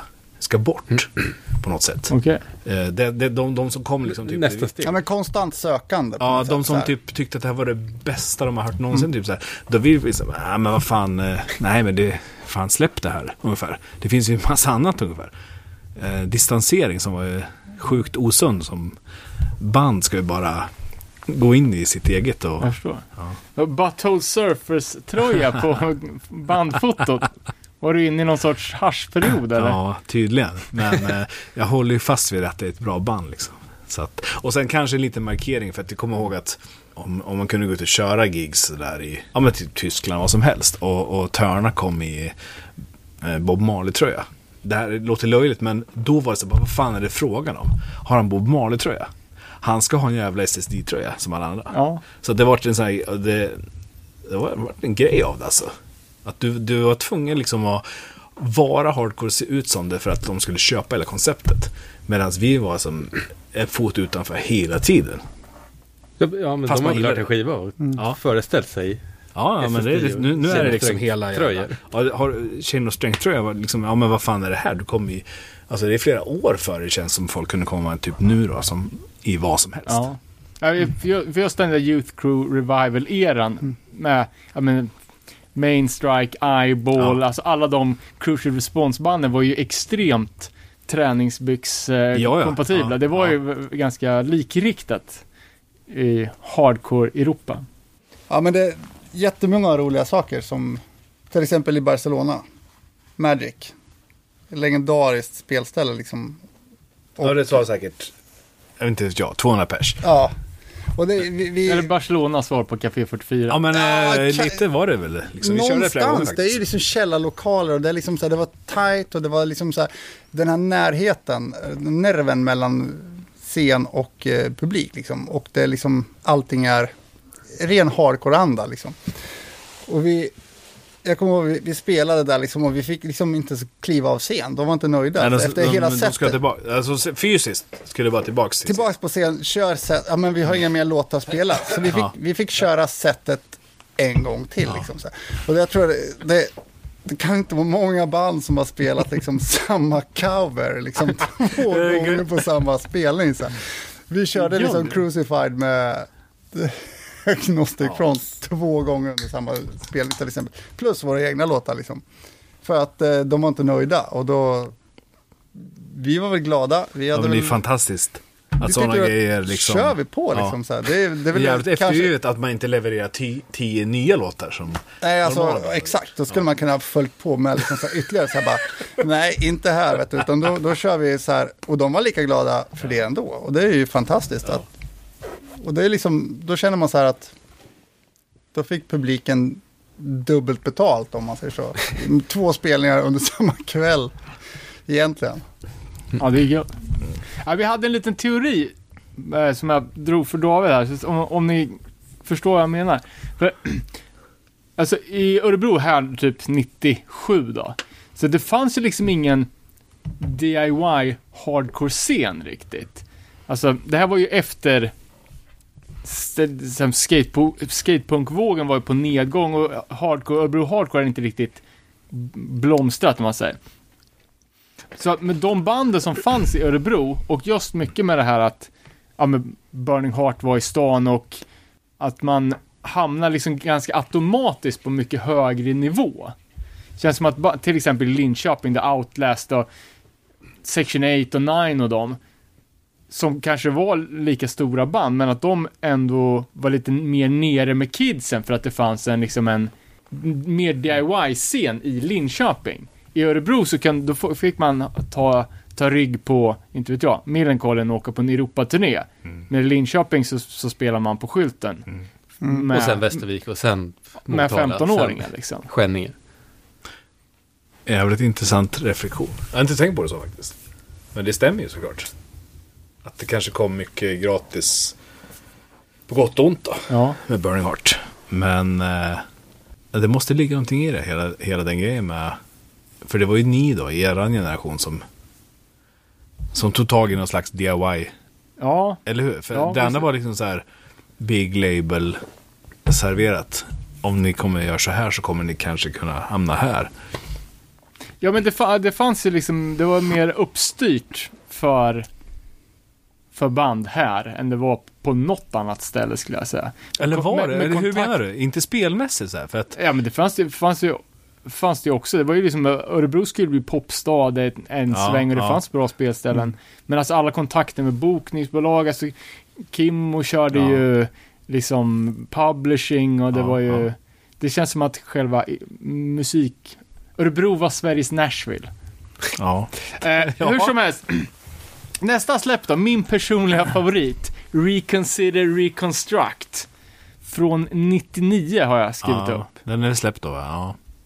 Inspelad i Soundlab med Mjersko och Ja. Matte. Första releasen som eh, Robin var med på. Vi tog Mm. in All right. på gitarr då från 4. Och typ där vi önskar i efterhand att där hade vi kunnat typ lagt ner. För det pika. Det som var våran vision. Eller fortsätta i samma bana kanske snart. Ja, exakt. Vi kunde ha typ gjort eh, eh, Within Reach till det som var tanken från början. Nu, nu pratar vi dock två år efter eh, vi bildade bandet. Så är vi kvar, eh, som framme vid där det pika. Mm. Alltså vi pratade, vi spelade in 98. Ja. Vi startade 96. Och 96 lät ju liksom allt annat vackert. Och där hade vi fått till det, tycker vi. På Reconsider, liksom, då började vi säga, fan det här är ju, nu är vi hemma liksom. Men vart var fullängden inspelad? Eh, I Västerås, i Studio Ja, Underground. Okej, ja, för jag tänker för att Ja. Reconsider-ljudet är ju jävligt mycket fetare. Ja, det är det. Men vi, Det- det har ju- efter, det- efter eh, första gången som vi var i, spelade in med Matt Mjersko, så spelade vi aldrig in någon annanstans eh, med Within Reach. Det där är något som jag lidit lite grann på, om man kollar på Pacific 4-inspelningar också, att det, det finns ganska lite bas och botten i ljudet. Eh, och det kanske har att göra lite med nischen av studio, att den eh, kanske... Det, man ville mer åt det kliniska hårdrockshållet än, än det andra. Ja, vi- vi- och det eh, man kunde inte gången. förstå riktigt, riktigt vad vi var ute i typ av form av ljud. Som Brolle sa innan, så här, vi vill att det ska låta skitigt och då tar man nästan som en offense. Ja. Som, Ja. som studiotekniker, liksom att vadå skitigt, liksom, här ska det låta bra liksom.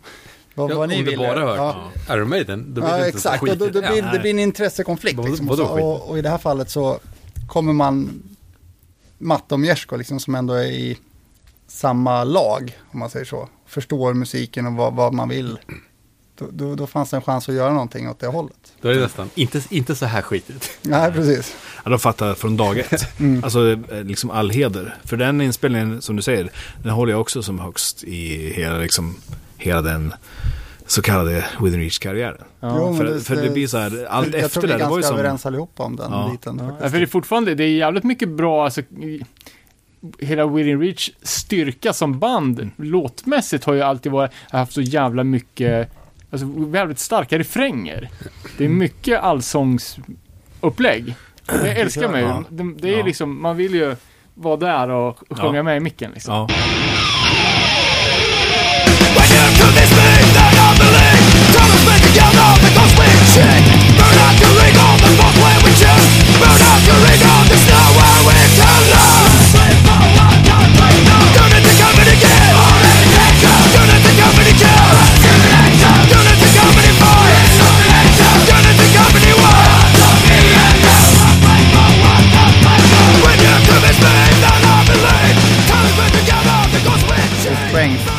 skivan, liksom så här första Unity Company också, det är ju, där är ju extremt mycket Ja, men det är, ju- det är typ och tre, liksom tre olika allsångsmoment i en och samma låt. Ja, Ja, det, är liksom, är det, liksom det ska bara bara komma och gå, ett- det ska ett. driva, det ska köra liksom så här. Och, och, och det, tittar man på den här perioden så är det ju fram till Reconsider som Magnus Törna Törnqvist var med liksom och har liksom den här use hardcore-pipan liksom verkligen. Ja. Med en, liksom perfekt för musiken. Sen går det över på mer och mer metallbaserat och Ja, eh, ja. tyvärr. Ja. Ja, men just det, det som vi hyllade med eh, hos Blood for Blood i förra avsnittet, det är ju lite det som Wi- Within Reach gör som bäst, att, att det är så jävla, det är drivig sång, det, det är liksom, det går, det går igång. Mm. Det är överlappade stickor, det, det, det blir catchigt och svängigt och allsångsvänligt. Ni ska bara veta hur jävla pushat det här var också. Att det fanns ingen stor fin tanke om någonting. Eller, alltså att det fanns en plan. Utan allting bara pappa, pappa, pappa, pappa hela tiden. Och det var ingen som sa stopp. Jo, men Sidekick sa stopp efter Reconsider. För de bara, ja men, eller rättare sagt det fanns ingen deal. Så vi bara, "Nä- nästa då ska släppas. För vi var igång liksom, Ja. direkt efter Reconsider. Nästa ska släppas då. Och, ja men nej, det, det blir nog inget typ, eller det vet vi inte ungefär. Jätteoklart. Okej, eh, vem hjälper oss då? Bad Taste. Bad Taste bara körde. Bad Taste får i knät bara, ska ni ha ett eh, hardcore-band liksom som har släppt det här? Ja men de har vi ju hört typ. För de kände ju igen liksom. Och hade väl träffat liksom på dem, eh, Björn de här. Men eh, fan vad de gick i fällan då. då. För då, då hade vi liksom gått in i studion liksom. Eh, som ett jävla pikt jävla Psykovitol wannabe. Och sen gled det ut som det här trötta entomd. eh, Fan, intressant, för här nu sna- snackar vi ju då om den andra fullängdaren, Fall from Ja. Grace, som är, är den inspelad 99? ja. Så det är ju, det går ju jävligt Det fort. går jätte, jätte, jätte, jätte. Men här är det ju musikaliskt helt annorlunda. Ja, säg det bara. Eh, ny sångare. Nej, det är inte, Törn är fortfarande. Den är kvar. fortfarande kvar. För, för på den skivan så, och Ja, men det är Ja, sant. sant. vi, vi, det är samma gäng liksom. Vi har bara liksom fått, eh, ingen har sagt stopp. Någonstans. Bara kör. Och Bad Taste fick där i knät. Trodde bara att nu ska vi släppa en jävla fet hardcore-skiva. Så kom det här. Vi vet ju inte vad vi höll på med riktigt sådär. Utan vi bara körde som vanligt. Men samtidigt bara, gick ganska Var ni bra. jävligt inne på en tom där? Nej men inte, jag har alltid Ja, det har alltid varit. 99. Jag Någonstans. har lyssnat på en ton i tio år. liksom, så att det var ingen så här nyhetens behag. Men det kändes som att så fort vi kunde börja få kontroll på lira. Så Ja, men det kom det lite var- den här metal-tendensen. Någonstans fanns det nog kanske en lite av en rastlöshet i, i musiken. Man har gjort en grej, nu måste man vidare. Och eh, av den anledningen så kanske man var tvungen att, att flörta med en annan genre eller något liknande. Och springa på nästa boll. Så fort det kommer en ny Robin, boll. så- skrev du någonting på den här skivan? Du höll ju på med... Du var väldigt mycket i studion. Spela gitarr, det vet jag. Ja, Sen vet alltså- jag inte vad du höll på med riktigt. Ja, om, låtar som jag skrev på. Ja, för alla låtar är väl krediterade Within Reach, bara rakt av på Ja. skivan Ja, tror jag. vi, vi gjorde nog ganska mycket ihop. Alltså nu tänker vi på den här uh, Fall from Grace Ja. eller? Jag skulle vilja hävda att vi är oskyldiga till mycket i... Ja, nej, men så är det. Men, men alltså, vi har ju en... Där har vi ju liksom då Björn. jag måste fundera lite grann. Men det, är pissbra på gitarrvan. Och han ville ju pusha eh, åt eh, alltså metal-soundet. Okej. Eh, så det fanns ju, det var inte bara att det kom från en blixt från klar himmel. Men, Men vi- det är ju inte heller dåligt. Alltså vadå? Det är ju inte heller dåligt. Eh, nej, men det, det känns som... Nej, vad ska man säga? Eh, Alltså jag, jag gick in med, med för, eh, med förutfattade mening att, att ni tyckte att den här skivan var bäst. nej. För jag tänkte, jag har skrivit här bara, eh, även om min personliga favorit är Reconsider, Ja. så rent objektivt skulle jag säga att det här är en bättre skiva. Vad tycker ni? Nej. När vi säger att vi önskar att vi hade slutat efter Consider. För att ha fått ett eh, bättre arv. Som har varit mer ärligt mot vad liksom visionen var. Men det finns ju en jätterolig historia på vad som hände med att Within Reach vart det här metal. Det slutade ju med det här Insula-grejen. Som vi, Ja. ingen känner ju till det såklart. Men, men eh, det, det var bara värre och värre. Eller liksom så här, eh, mer och mer och mer. eh, Mycket influerat av neurosis och allt sånt där. Så det slutar liksom med, vad fan är det här för band? Det finns ingen, det är inte schysst. Vi, vi, kan, vi, vi kan inte kalla det för Within Reach. Och därifrån är också jättekort tid. Alltså det gick så jävla fort. Och, och så hann ju Bad Taste släppa då två plattor i, i det. Du skulle ju bara hört det som inte släpptes som Within Reach.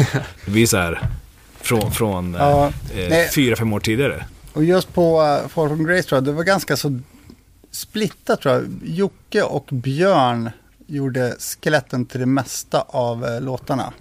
Sen arbetade vi ut dem som band lite grann såklart mer. Mer arrangemangsmässigt än vad vi gjort på tidigare låtar. På Reconsider-skivan då hade jag störst del i just låten Reconsider Reconstruct. Men eh, där var det också lite grann, det var det väldigt mycket Jocke som stod för alla skelett. Medan Björn började göra det också. Men eh, Det är sant faktiskt, nu ser det. Det, det börjar, ja, Jocke stod för mycket av musik, det musikaliska och sen så utvecklade vi liksom låten och så vidare. Men eh, eh, sen var det mer att Björn kom in och eh, gjorde låtar, eller idéer till låtar åtminstone. Och går vi ännu längre vidare till i Complaints Ignored så är det liksom ganska stor split mellan Jocke och Björn. Jag gjorde mycket på Lifetime Achievement. Men eh, det, det är liksom, vi pratar mindre än ett år Ja. från vi hamnar i det, det. det, kommer liksom, det Ja, går fort framåt. för så här, jag kommer ihåg eh, hur, hur, eh, hur mycket liksom Jocke då, Mr. Dagnasty, Passage 4, hatade det här dissonanta, eh, det som var på väg mot. Jättemycket influenser av Unsane och Catharsis Ja. och Neurosis och allting. Men vad fan är det frågan om? Av vårat old school-band liksom. Och jag kunde ju köpa det. Men samtidigt Mm. Ja, fick ju vi så här, ja. vi fick ju jättemycket turnéerbjudanden. Som var så här, för då försökte de så här nischa. Eh, ja men det är det här typen. Eh, som de förmodligen vill gå mot. Så vi fick ju eh, till turnéerbjudanden med så här Crowbar och eh, Today is the day och såna grejer. Och vi kände bara, vad fan har vi hamnat? Liksom det var så här, eh, vi var inte med i vad som hände riktigt. Men ni turnerade väl med Sick Overall, gjorde ni inte? Ja, det var ett par gigs. Och det kan jag säga att eh, det var lite peak i våran värld. För ni- Sickvirol och AFI. A5 var med. Mm. Det, det var så här, men fan nu är vi När var det här? 99. Ja, Ja. Då, då pikade vi, för vi hade liksom gått in i hela den här grejen med jätteinfluens av Psycho och allt här. Och nu så stod de vid sidan av scen och var pepp på oss. Och liksom, de ville verkligen kolla Jocke hur han lirade, Mm. kommer jag ihåg. Och eh, vi körde Misfits covers och de var med så här. Och då, då kände jag att fan det pikar lite Mm. grann här. Vad, vad mer ska du göra? Ja, jag förstår. Ja, ja, men alltså det var stort. Ja men det, det var väl egentligen i den, Mm. den perioden och det var ju ungefär, vi gjorde en, en, en längre Europa-sväng. Och eh, vi spelade framförallt musik och roll i, i Schweiz och, Tyskland och, och Tyskland. Ja. Och eh, där hade vi liksom fortfarande kvar våran nerv som band och eh, våran nerv mot musiken. Liksom. Ja, vi hade inte hamnat i det Vi här. hade inte kommit in i den här, den här senare perioden när det varit lite mera metallbaserat. Och eh, där hade vi ju fortfarande jävligt roligt både på scen och Ja. musikaliskt sett. Ja. Och eh, det är synd att vi inte förvaltade den, eh, den tiden bättre och hur Jo men jag vi kan säga så här. liksom. För de tyckte att det var så här. Eller trevligt i alla fall. Tyckte Mm. de att eh, det var succé. Vi tyckte att eh, de gjorde jättebra gigs och allting. Och det var så här.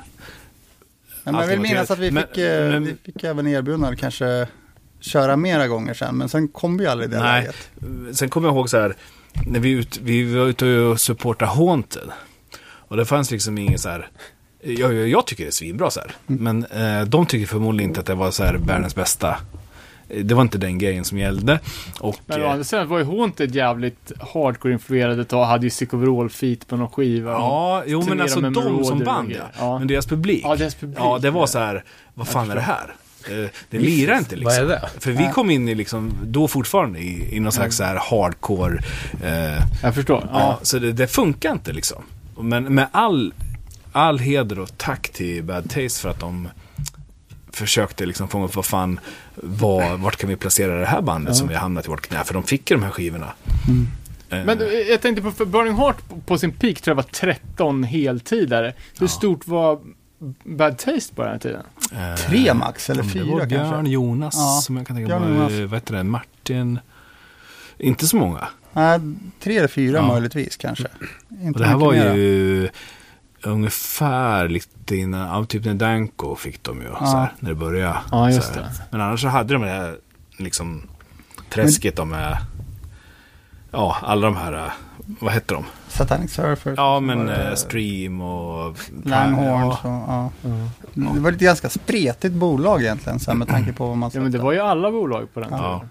Och de är ja, Fast å andra Fast de kanske sidan, i slutändan har ju de typ vunnit. Ja, exakt. Ja. exakt. Då, Bad Taste är, är ju säkert större än någonsin nu. Ja. Och Burning Heart är ju kanske inte större. Nej, men han har inte, ja, nej exakt. Eh, Sen har jag skrivit upp eh, på Reconsider Reconstruct på eh, i Inlate så står det Big fuck you Beacon of Hope Records. Ja, just det. Vad är det? Beacon of Hope eh, var ju ett, det är ett bo, eller var, eller jag vet inte ens om det existerar, så pass shady var det ju. Men de, ett Bostonbolag.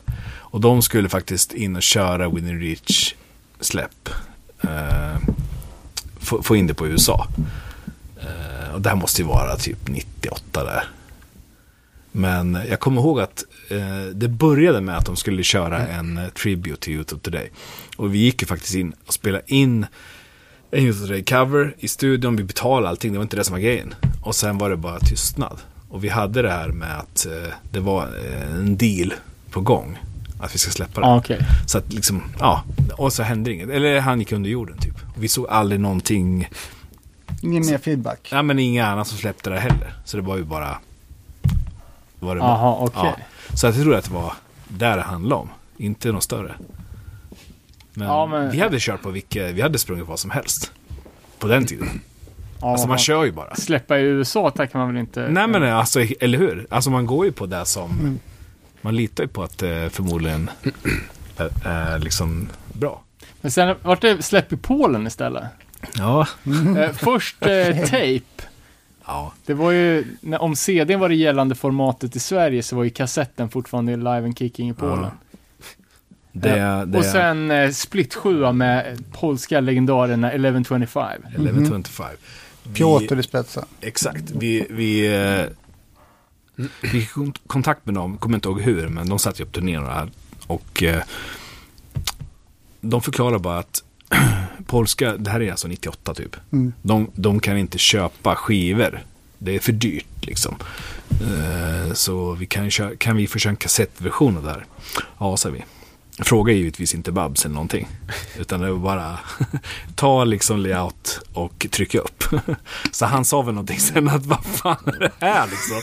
Ja men du vet, det funkar inte så. Men jag, vet- jag vet inte typ. Men vi ville åka och lira. Så att eh, exklusivt eh, för Polen så släppte de ju eh, den. Alltså det var samlingen på allt på Sidekicks tror jag. Mm. ja, det var Och, ett hopmesh tror jag. ja, exakt. allting. Det, var, det var, fanns ingen så här liksom, konstituerad att nu släpper vi just den här fullängden eller den här. Utan det var liksom bara ett hopkok. Alla liksom. låtar. Allt, Kassettbandet eller liksom, allt, allt, som, allt som tapelängden får in liksom. Typ, Ja så. men liksom fan Mm. eh, succé för Ja. oss i Polen. För det köpte de ju. Ja. Det var ju succéturné sådär på det sättet. Och eh, han, han släppte ju den här splitten med 1125 för den turnén.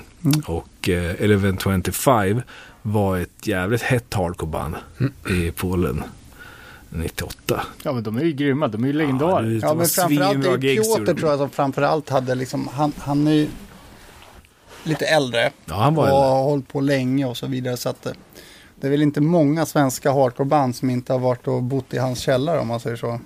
I Slåtov. Nej men han, han var jävligt ton, tongivande i hela Mm. den där. eh, Han kände alla där och så vi, får ju, vi hade ju svinbra liksom. Bra kontaktnät Ja. liksom. Och, Så, så, så var det med det faktiskt. Att, eh, och sen åkte de hit till Örebro och spelade in skivan.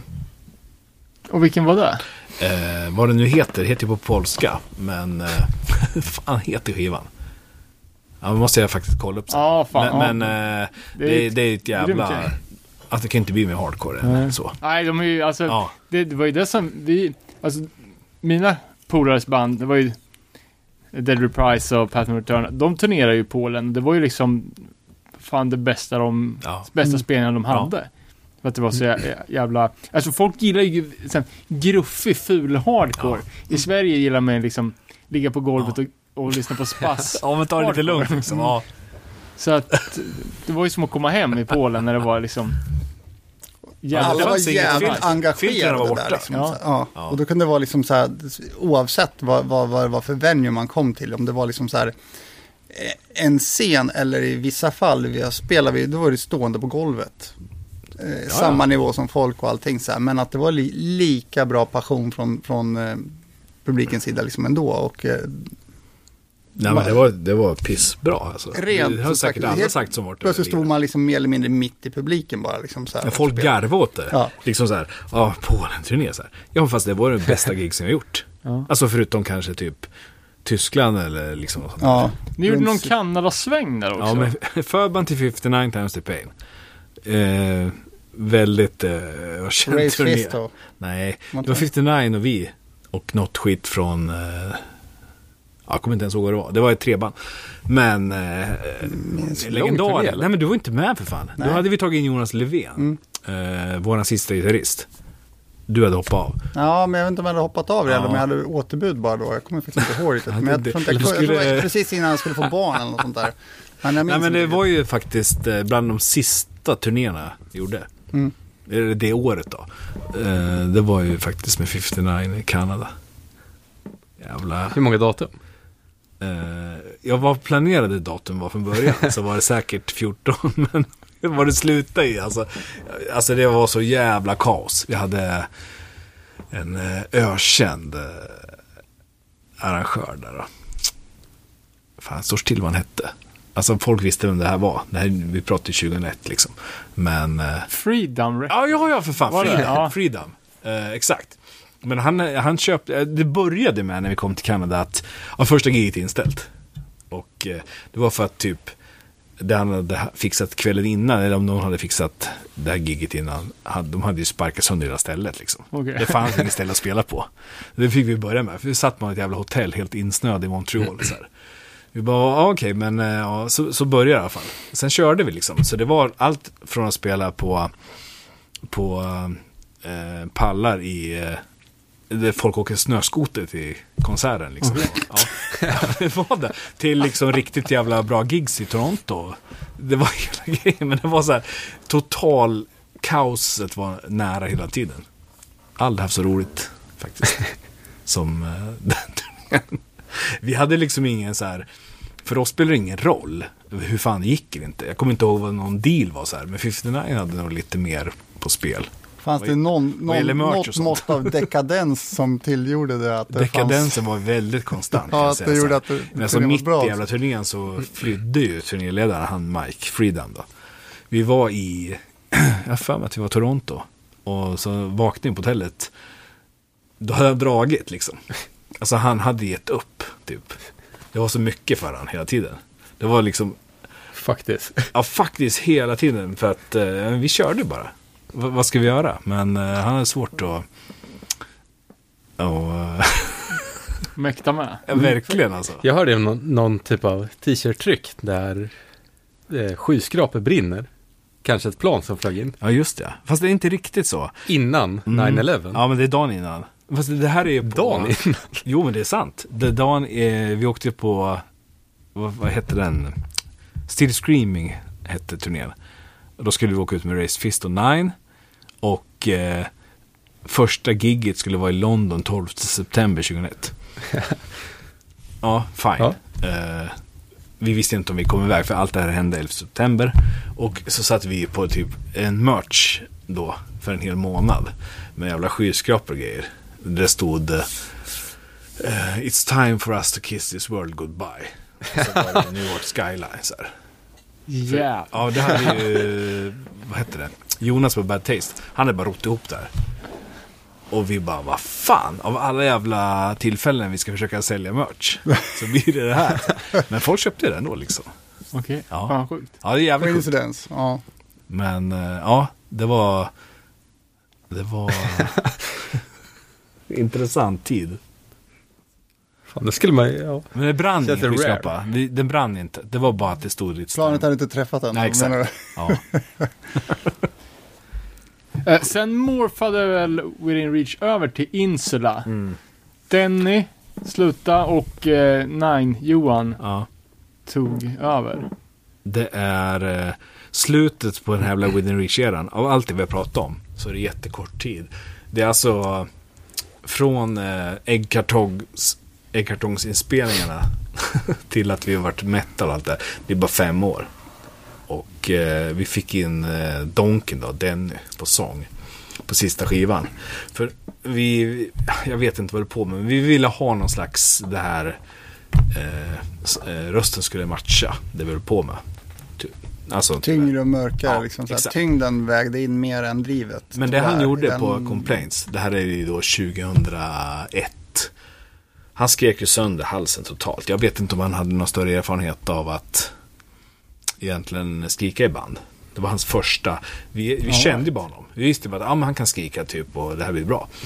Och han går in, jag tror han typ kör halva skivan på Complaints innan bara, ja men rösten är ju helt jävla förstörd. Alltså det, det är ju, han har ju förstört sin röst kanske för livet ungefär så här. Och vart spelade ni in hos, Hos Matte och Mjärsko? Hos Matte och Mjärsko, ja. Och sen så kom vi väl igenom det där med nöd och näppe. Eh, och sen ett halvår senare så skulle vi spela in en split med Nine på eh, ett belgiskt bolag. Eh, Chrome St. Magnus hette det. Vi skulle släppa split med Nine Within Reach och vi skulle gå in i studion och spela in tre låtar. Och eh, där, alltså det var bara, nej han kan inte sjunga. Alltså han har ju förstört rösten fortfarande. Det går inte. Och vi hade fortfarande studiotid. Men musiken var ju så jävla o within reach. Du bara kan inte ana. Det var väldigt så här insane och eh, dissonant sådär. Så Miesko hoppade in och körde sången på de tre låtarna. All right. Och den här, eh, ah, vad det nu vart då, det är ju aldrig släppt. Men det vart så att, fan det här är ganska bra i sin liksom. Ja, det låter ju svinbra. Ja, alltså. det var så här, ja, jag kommer ihåg vi hade med Rickard Alriksson, eh, var inne och körde backups och grejer då. Fan, det här blir ju svinbra, men det är fan inte, det är jävligt långt ifrån Youth Crew och Ja. allt det här. Men, men vi, vi behåller det här lite grann. Och sen så kanske vi typ eh, startar ett band. Och det gjorde Sätter vi. på annat epitet liksom. Vi, startade, vi fick in Nicke Lundgren på gitarr där också. Han spelar ju faktiskt på det. Och eh, det här är så här kort tid, men vi satsar på det. Vi sa vi skiter i här Within Reach. Within Reach över och sen så kör vi Insula. Och eh, Mieszkari, han körde sången. Eh, fine, men han, det är inte hans band, han har inte tid med sånt, han skiter väl i det där liksom. Men Johan Nine var pepp. Så vi sa det, kan du komma in och köra, liksom, vi har fler låtar. Ska vi köra ett band av det här? Och då var det Levén, det var Nicke Lundgren, Björn och jag. Och Nine Johan bara, men vi kör. Så då körde vi in fem låtar, bara några månader efter. Som No Tolerance, det är Disfear Björn eh, släpper då. Eh, givetvis så lägger vi ner. alltså vi la ju ner direkt. Och då hade det hamnat i det att vi hade fått lite erbjudanden på gigs och grejer. Men vi hann aldrig med någon, inte ett enda gig faktiskt. Så var det över då. Men vi hann släppa den där femlåtars-EPn på No Tolerance. Ja, fan jag saknar den. Jag, jag trodde jag hade den, men det hade jag inte. Nej. Ligger det på Spotify? Ja, nej, ingenting av det här ligger på Spotify. Ta tag i det alltså. Men va, för vi kollar ju, eh, det är ju dåligt med Within Reach material. Ja, ja men det är ju, det är ju Babs fel. Det får ju han fixa nu. Fast det är svårt också. Ja, ja men, eh, För hälften av låtarna är ju så jävla dålig ljudkvalitet. ja. ja, men vi kan ta tag i det. Alltså, det, det är så, när det gäller Passage 4, det som har legat på Spotify tidigare, är ju ingen av någon av oss som har lagt upp. Eller bolaget, utan det är ju någon... Privat Ja, så vi har ju, vi har ju lyckats eh, få det tömt så vi kan eh, lägga upp All nytt right. istället. Så att vi har eh, drivit en process med Spotify om det där och det, det var inte jävligt lätt alltså. Men man var tvungen att kunna bevisa att det är vi som är upphovsmän då. Det är Inte, klart inte nu. någon Säkert som många som bråkar om det. Nej men så. alltså, förstå mig rätt nu. Alltså, Ja, alltså, processen att ja. göra en sån sak är, är, lite mer, det tar lite tid. Men alltså då kan man få upp det och eh, ha kontroll över vad som är publicerat under, under PC4 som upphovsgivare. då. För World Cir- Circus fanns ju. Och Mm. Ja, de tre låtar. första låtarna Ja. är ju Ja. bra. Och sen är det ju så jävla dåligt. En Grymt dålig ljudkvalitet, exakt. Så att, Ja, eh, frå- det. frågan är hur det är. Det har att göra med kanske vilken typ av luft det är upplagt med. Och sånt. Nej men på riktigt, måste fixa det. För, för det, är, det är skandal. Det får massor med Ja, om någon frågor. lyssnar på det här och vill kolla upp det. Ja, exakt, exakt. Och sen, folk har ju skrivit det. De vad fan, vart är det liksom? Kan man inte bara få... Men hur, hur är det? eh, Tog Epitaph över Sidekicks också?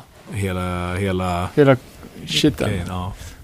Ja, för då blir det också ett, alltså det är lite som vi har snackat om att Millencolin ligger i en sån här rättslimbo med Epitaph. För det är som Use Your Nose på sjua skulle ju sälja tusen ex på en helg. Men Epitaph har inte tid att släppa det och de äger rättigheterna. Och det är likadant, nu ligger väl allt, alla deras grejer uppe digitalt men ni kan inte lägga upp all, hela Within Reach Back-katalogen själva och ta ja, jo men alltså rent teoretiskt. Men vi kan fixa digitala royalties för det. det. Alltså frågan är vem som skulle ha någonting emot det. Det finns ju ingen som kan säga nej. Nej, men man vet ju inte. Nej men Nej. alltså, spelar det in nu eller? Ja, det gör vi också. Nej men alltså grejen är så här att ibland så undrar man ju. Det är bara att fixa. För vi får ju sådana frågor. Det är ingen jättestor grej. Men det går ju bara inte in så här, "Ah, fan vi måste lyssna på den. För att ingen tar tag i det. Det nu kan det inte handla om någon pengar eller någonting. Det är inte det det handlar om. Nej. Det handlar bara om att fixa det. Nej, för titta- på Spotify eller, eller streamingtjänster överhuvudtaget. Så det, det, är ju, man, det är inget man går och blir rik på. Eller sånt. det är ingen som kommer gå och känna att, liksom att det blir, det handlar mer om förmed, musikförmedling snarare Ja. än vad det är någonting annat. Så att eh, ett bolag som äger eh, rättigheter till musik till exempel kan ju bara anse sig vara glada över att man tar tag i det och lägger upp det för att det ska kunna eventuellt kickstarta deras eh, nypress eller vad, vad det ska vara, fysisk försäljning. Så att, Om du eh, inte äger Beatles-katalog eller något. Ja, exakt, exakt. Det, det, det, är lite skillnad. Då, Men, men, på eh, Passage 4, det spanska bolaget. Vad köpte de rättigheterna av? Eller gjorde de det så här, bara? det är licenspressat från eh, Wounded. Så att det är ju det är under licens då. Så att eh, den vägen. Mm.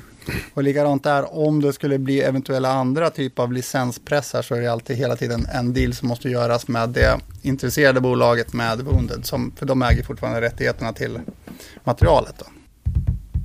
Är det så eller? Så är det. Men vet vi det? Ja, vi vet att det är så. Ja, det men ibland kan man gå och säga, ja men de äger det här. Fast vi vet Nej, men den, den diskussionen på har vi kört tror. liksom redan. Så har man och, liksom- eh, Ja, Exakt, finns det några skrivna avtal Exakt, från den här det är det jag menar. Ja, Eller är det muntligt? det är väl egentligen Vad händer om ni skiter i det? Jag menar. men- Och ni bara kör. Nej, det här gör vi själva. Det är inte Det så går väl alltid att ha den åsikten, att vi skiter, vi kör och vi, vi, vi gör som vi vill. Men liksom det, det, det är jävligt tråkigt att hamna i en... Alltså, när fängelse. man, man står i den här... ja, i fängelse, precis. Och eh, varför hamna i en, en, en konfliktsituation? Om man Det viktigaste är ju Vi har musiken. inget jättestort intresse att vi ska se att det, det här ska vi göra för att vi ska tjäna pengar. eller Det, här ska vi göra för att vi ska, det är liksom, nu handlar det om att vi vill förmedla musiken i så fall. Då gör vi liksom fair and square. Punkt slut. Eller pissa på någon som tog en chans på er när ni var Ja, 17. ja Det- exakt. Nu är det inne på är den nu ska, jag ska tjäna 4 000 Ja. själv. Så. ja. Nej, men äh, alltså. Men det, CD-skivorna går ju uppenbarligen inte att köpa. Ja, du kan köpa dem begagnade på Discogs, det är inga problem. Du kan ju inte köpa de nya. Och de finns inte på Spotify, det är liksom bandets är ju utraderat. ja, Det är nackdelen med att inte göra allting DIY helt enkelt. jag är helt med där faktiskt. Kanske något för det här bootlegbolaget Dollar Crime. Nej, vad fan, ska vi runda eller?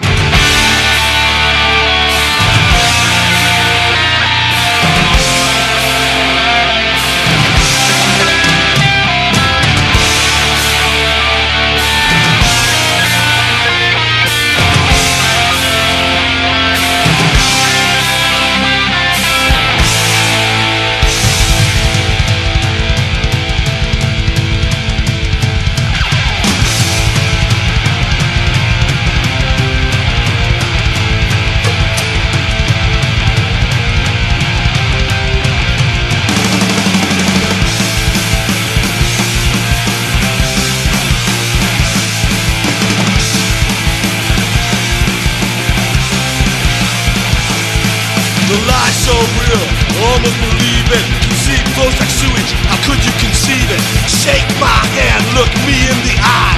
Smile and think of ways I'll die.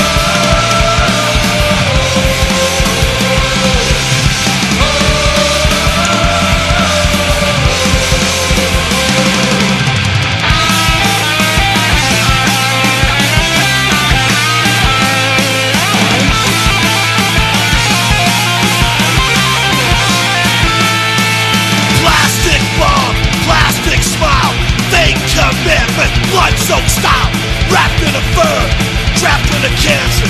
Swan's arms over for the littlest dancer. Mistruth